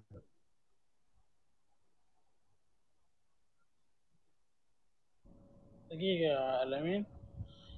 آه، أبو عبد الله أنس بيقول البرنامج جميل آه، وبالتوفيق يا شباب. آه، بتمنى بتمنى أنكم تعملوا ورشة على ال Zoom وتكون بس آه، مباشر على صفحتكم ويكون في عرض PowerPoint يوضح عمل المعماريين ودورهم الكبير في المباني. حاليا في وعي كبير في المجتمع استغلوا وجودهم في الميديا وعرفوهم بدوركم. بعدها إن شاء الله أي واحد لو مشى لشركة حيسأل منكم.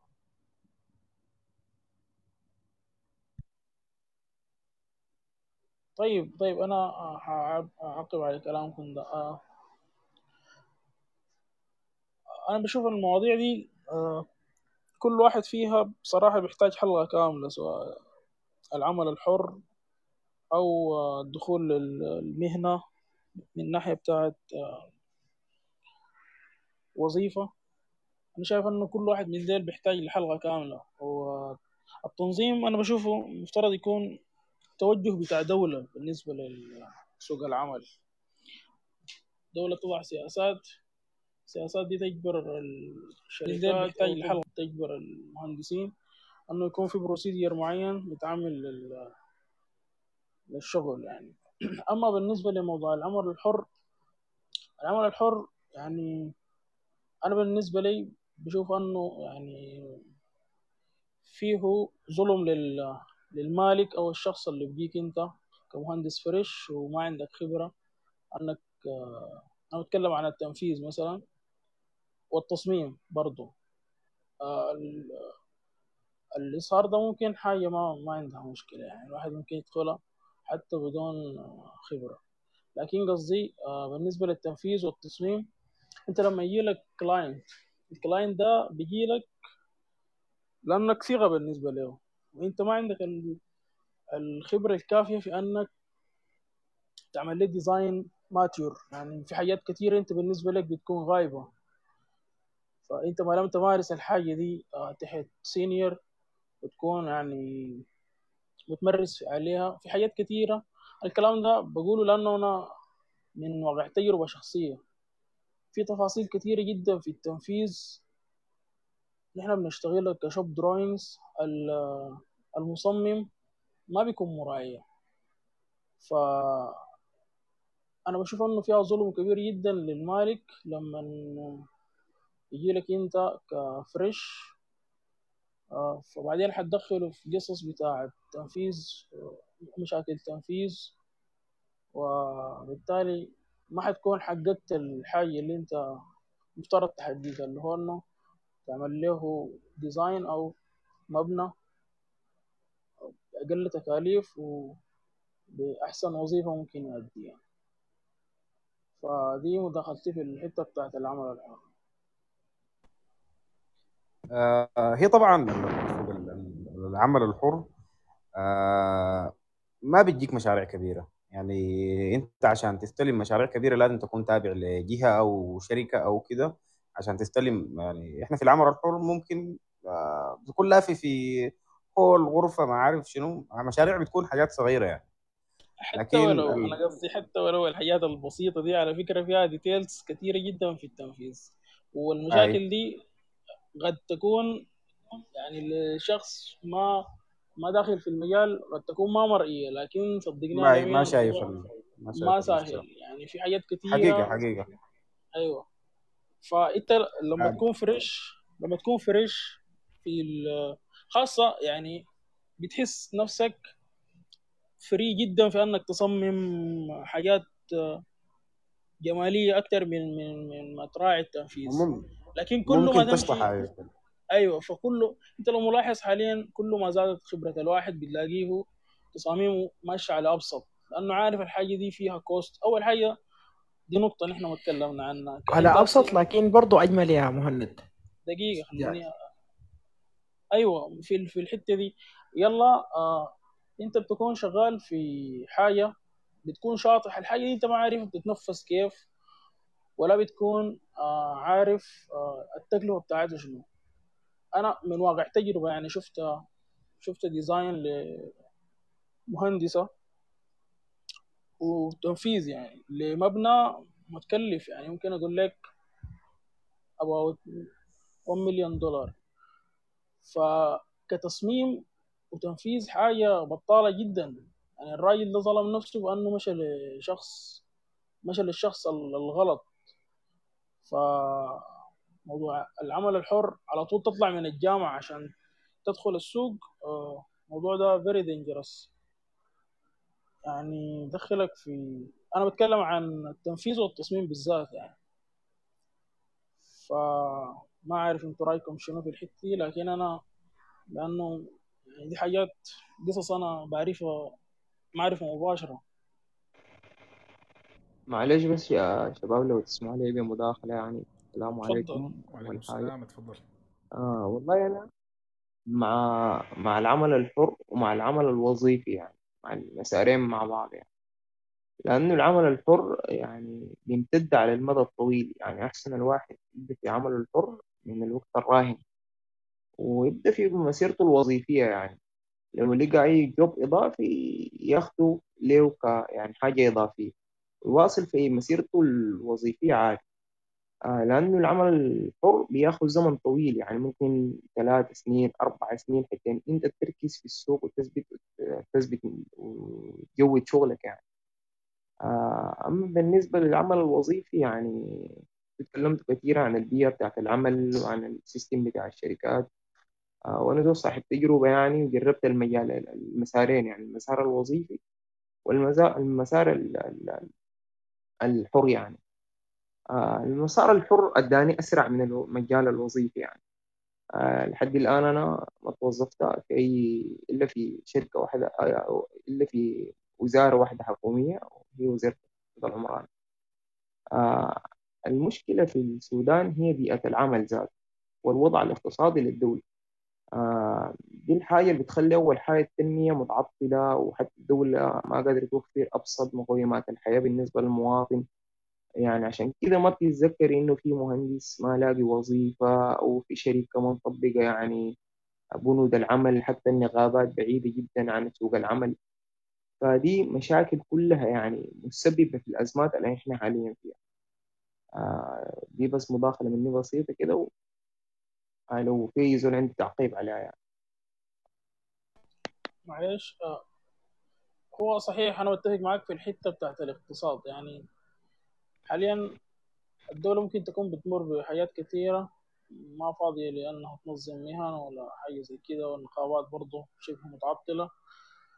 آه بالنسبة لكلامك لأنه هو فعلا العالم العمل الحر بيديك يعني بيديك أكتر من الوظيفة بكثير الشباب اللي معانا دول هنا معظمهم اشتغلوا حر. أنا برضه اشتغلت عمل حر. لكن حكاية أنك تجي fresh أنا قصدي وعلى طول تمشي آه يعني أنت كده باعتبار إنك تتعلم في في ال clients يعني أنت بتبني خبرتك على ال clients بدون أي supervision وبدون أي يعني أنت لو في في أي مشروع مهما كان المشروع صغير في حاجة اسمها risk فأنت ما بتعرف ال risk وين ومتين بيحصل وتتعامل معاه كيف ف... آه مهند؟ نعم. مصداقية لكلامك ده إنه العملاء اللي بيجوا بيجوا داخل يعني بيجي بحسسك انه اخذت معاهم ميزانية بتاع التنين. أنا داير أحسن حاجة في الكوكب أعملها في بيتي.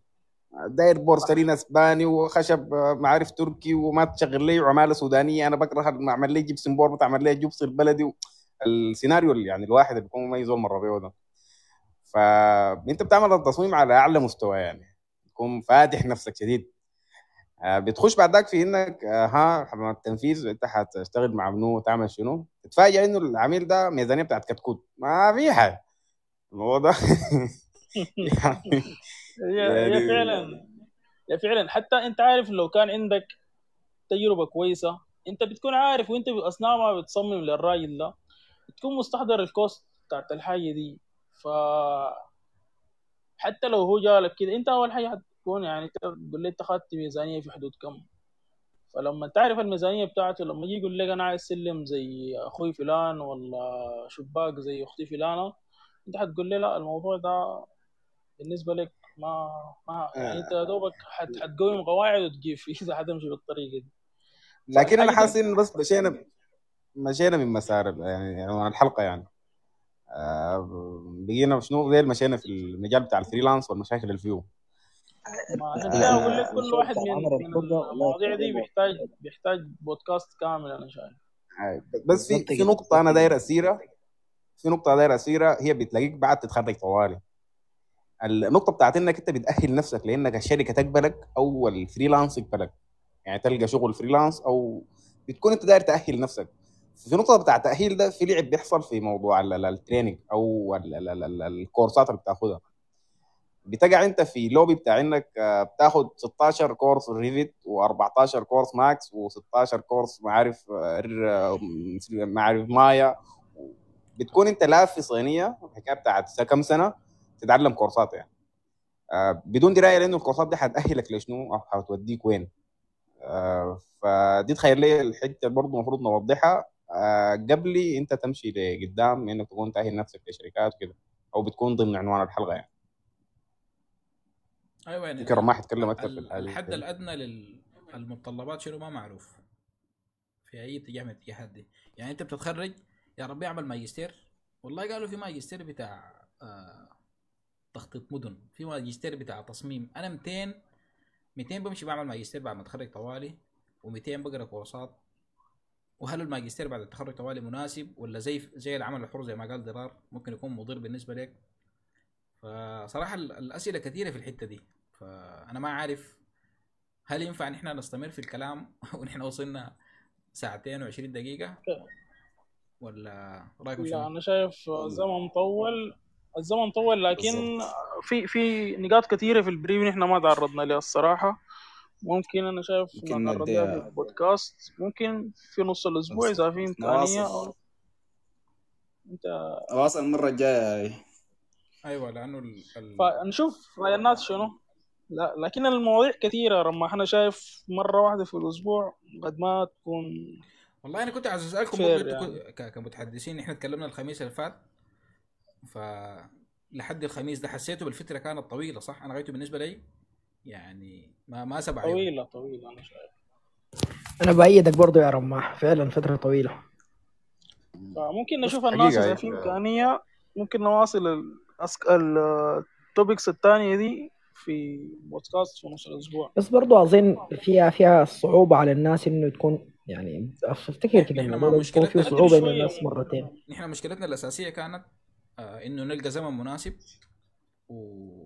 والناس ما يكون عندها مشاكل بتاعت نت بتاعت كهرباء التفاصيل اللي عارفينها دي. فعشان كده اخترنا نجرب الساعة 10 حلقة جديده الحلقة الجايه تكون الساعة 10 نجرب. 10 بتوقيت السودان. آه والله ممكن ده- دي قصدك خلال كتجربه نص الأسبوع. يلا المشكلة حتكون في آي. كهرباء نعمل لنا حلقة كده؟ أيوه. ممكن نعمل تصويت بعدين في في آه، تليجرام الحاجة دي أو في مواقع التواصل. أيوه ممكن برضه دي, دي ما حلقة تانية يا يا يا أمين. أنا شايف إنه إذا كان في حلقتين إذا بقى مواعيدهم واحدة بتكون آه، ما ما بت- بتكون أجمل لو كانت اي واحدة في مواعيد مختلفة. والله أنا شايف عشرة. ممكن ن- نجرب نص الأسبوع الساعة 10 وبرضه نتناقش ما ننسى أخواننا قاعدين برا ديل الموضوع ده بالنسبة لهم أنا بيكون قصدي انه بدل نتناقش هسي فيها نتناقش فيها في تصويت يعني آه. غير المتحدثين يمكن في كمية من المستمعين برضه قاعدين برا السودان غالبا في دول الخليج. فالموضوع ده برضه مرهق شديد يعني. نزول يسهر لحد الساعة 4 كل يوم كده. أيوه بالضبط يوم طيب. مساهر في الشغل يوم مساهر في ال...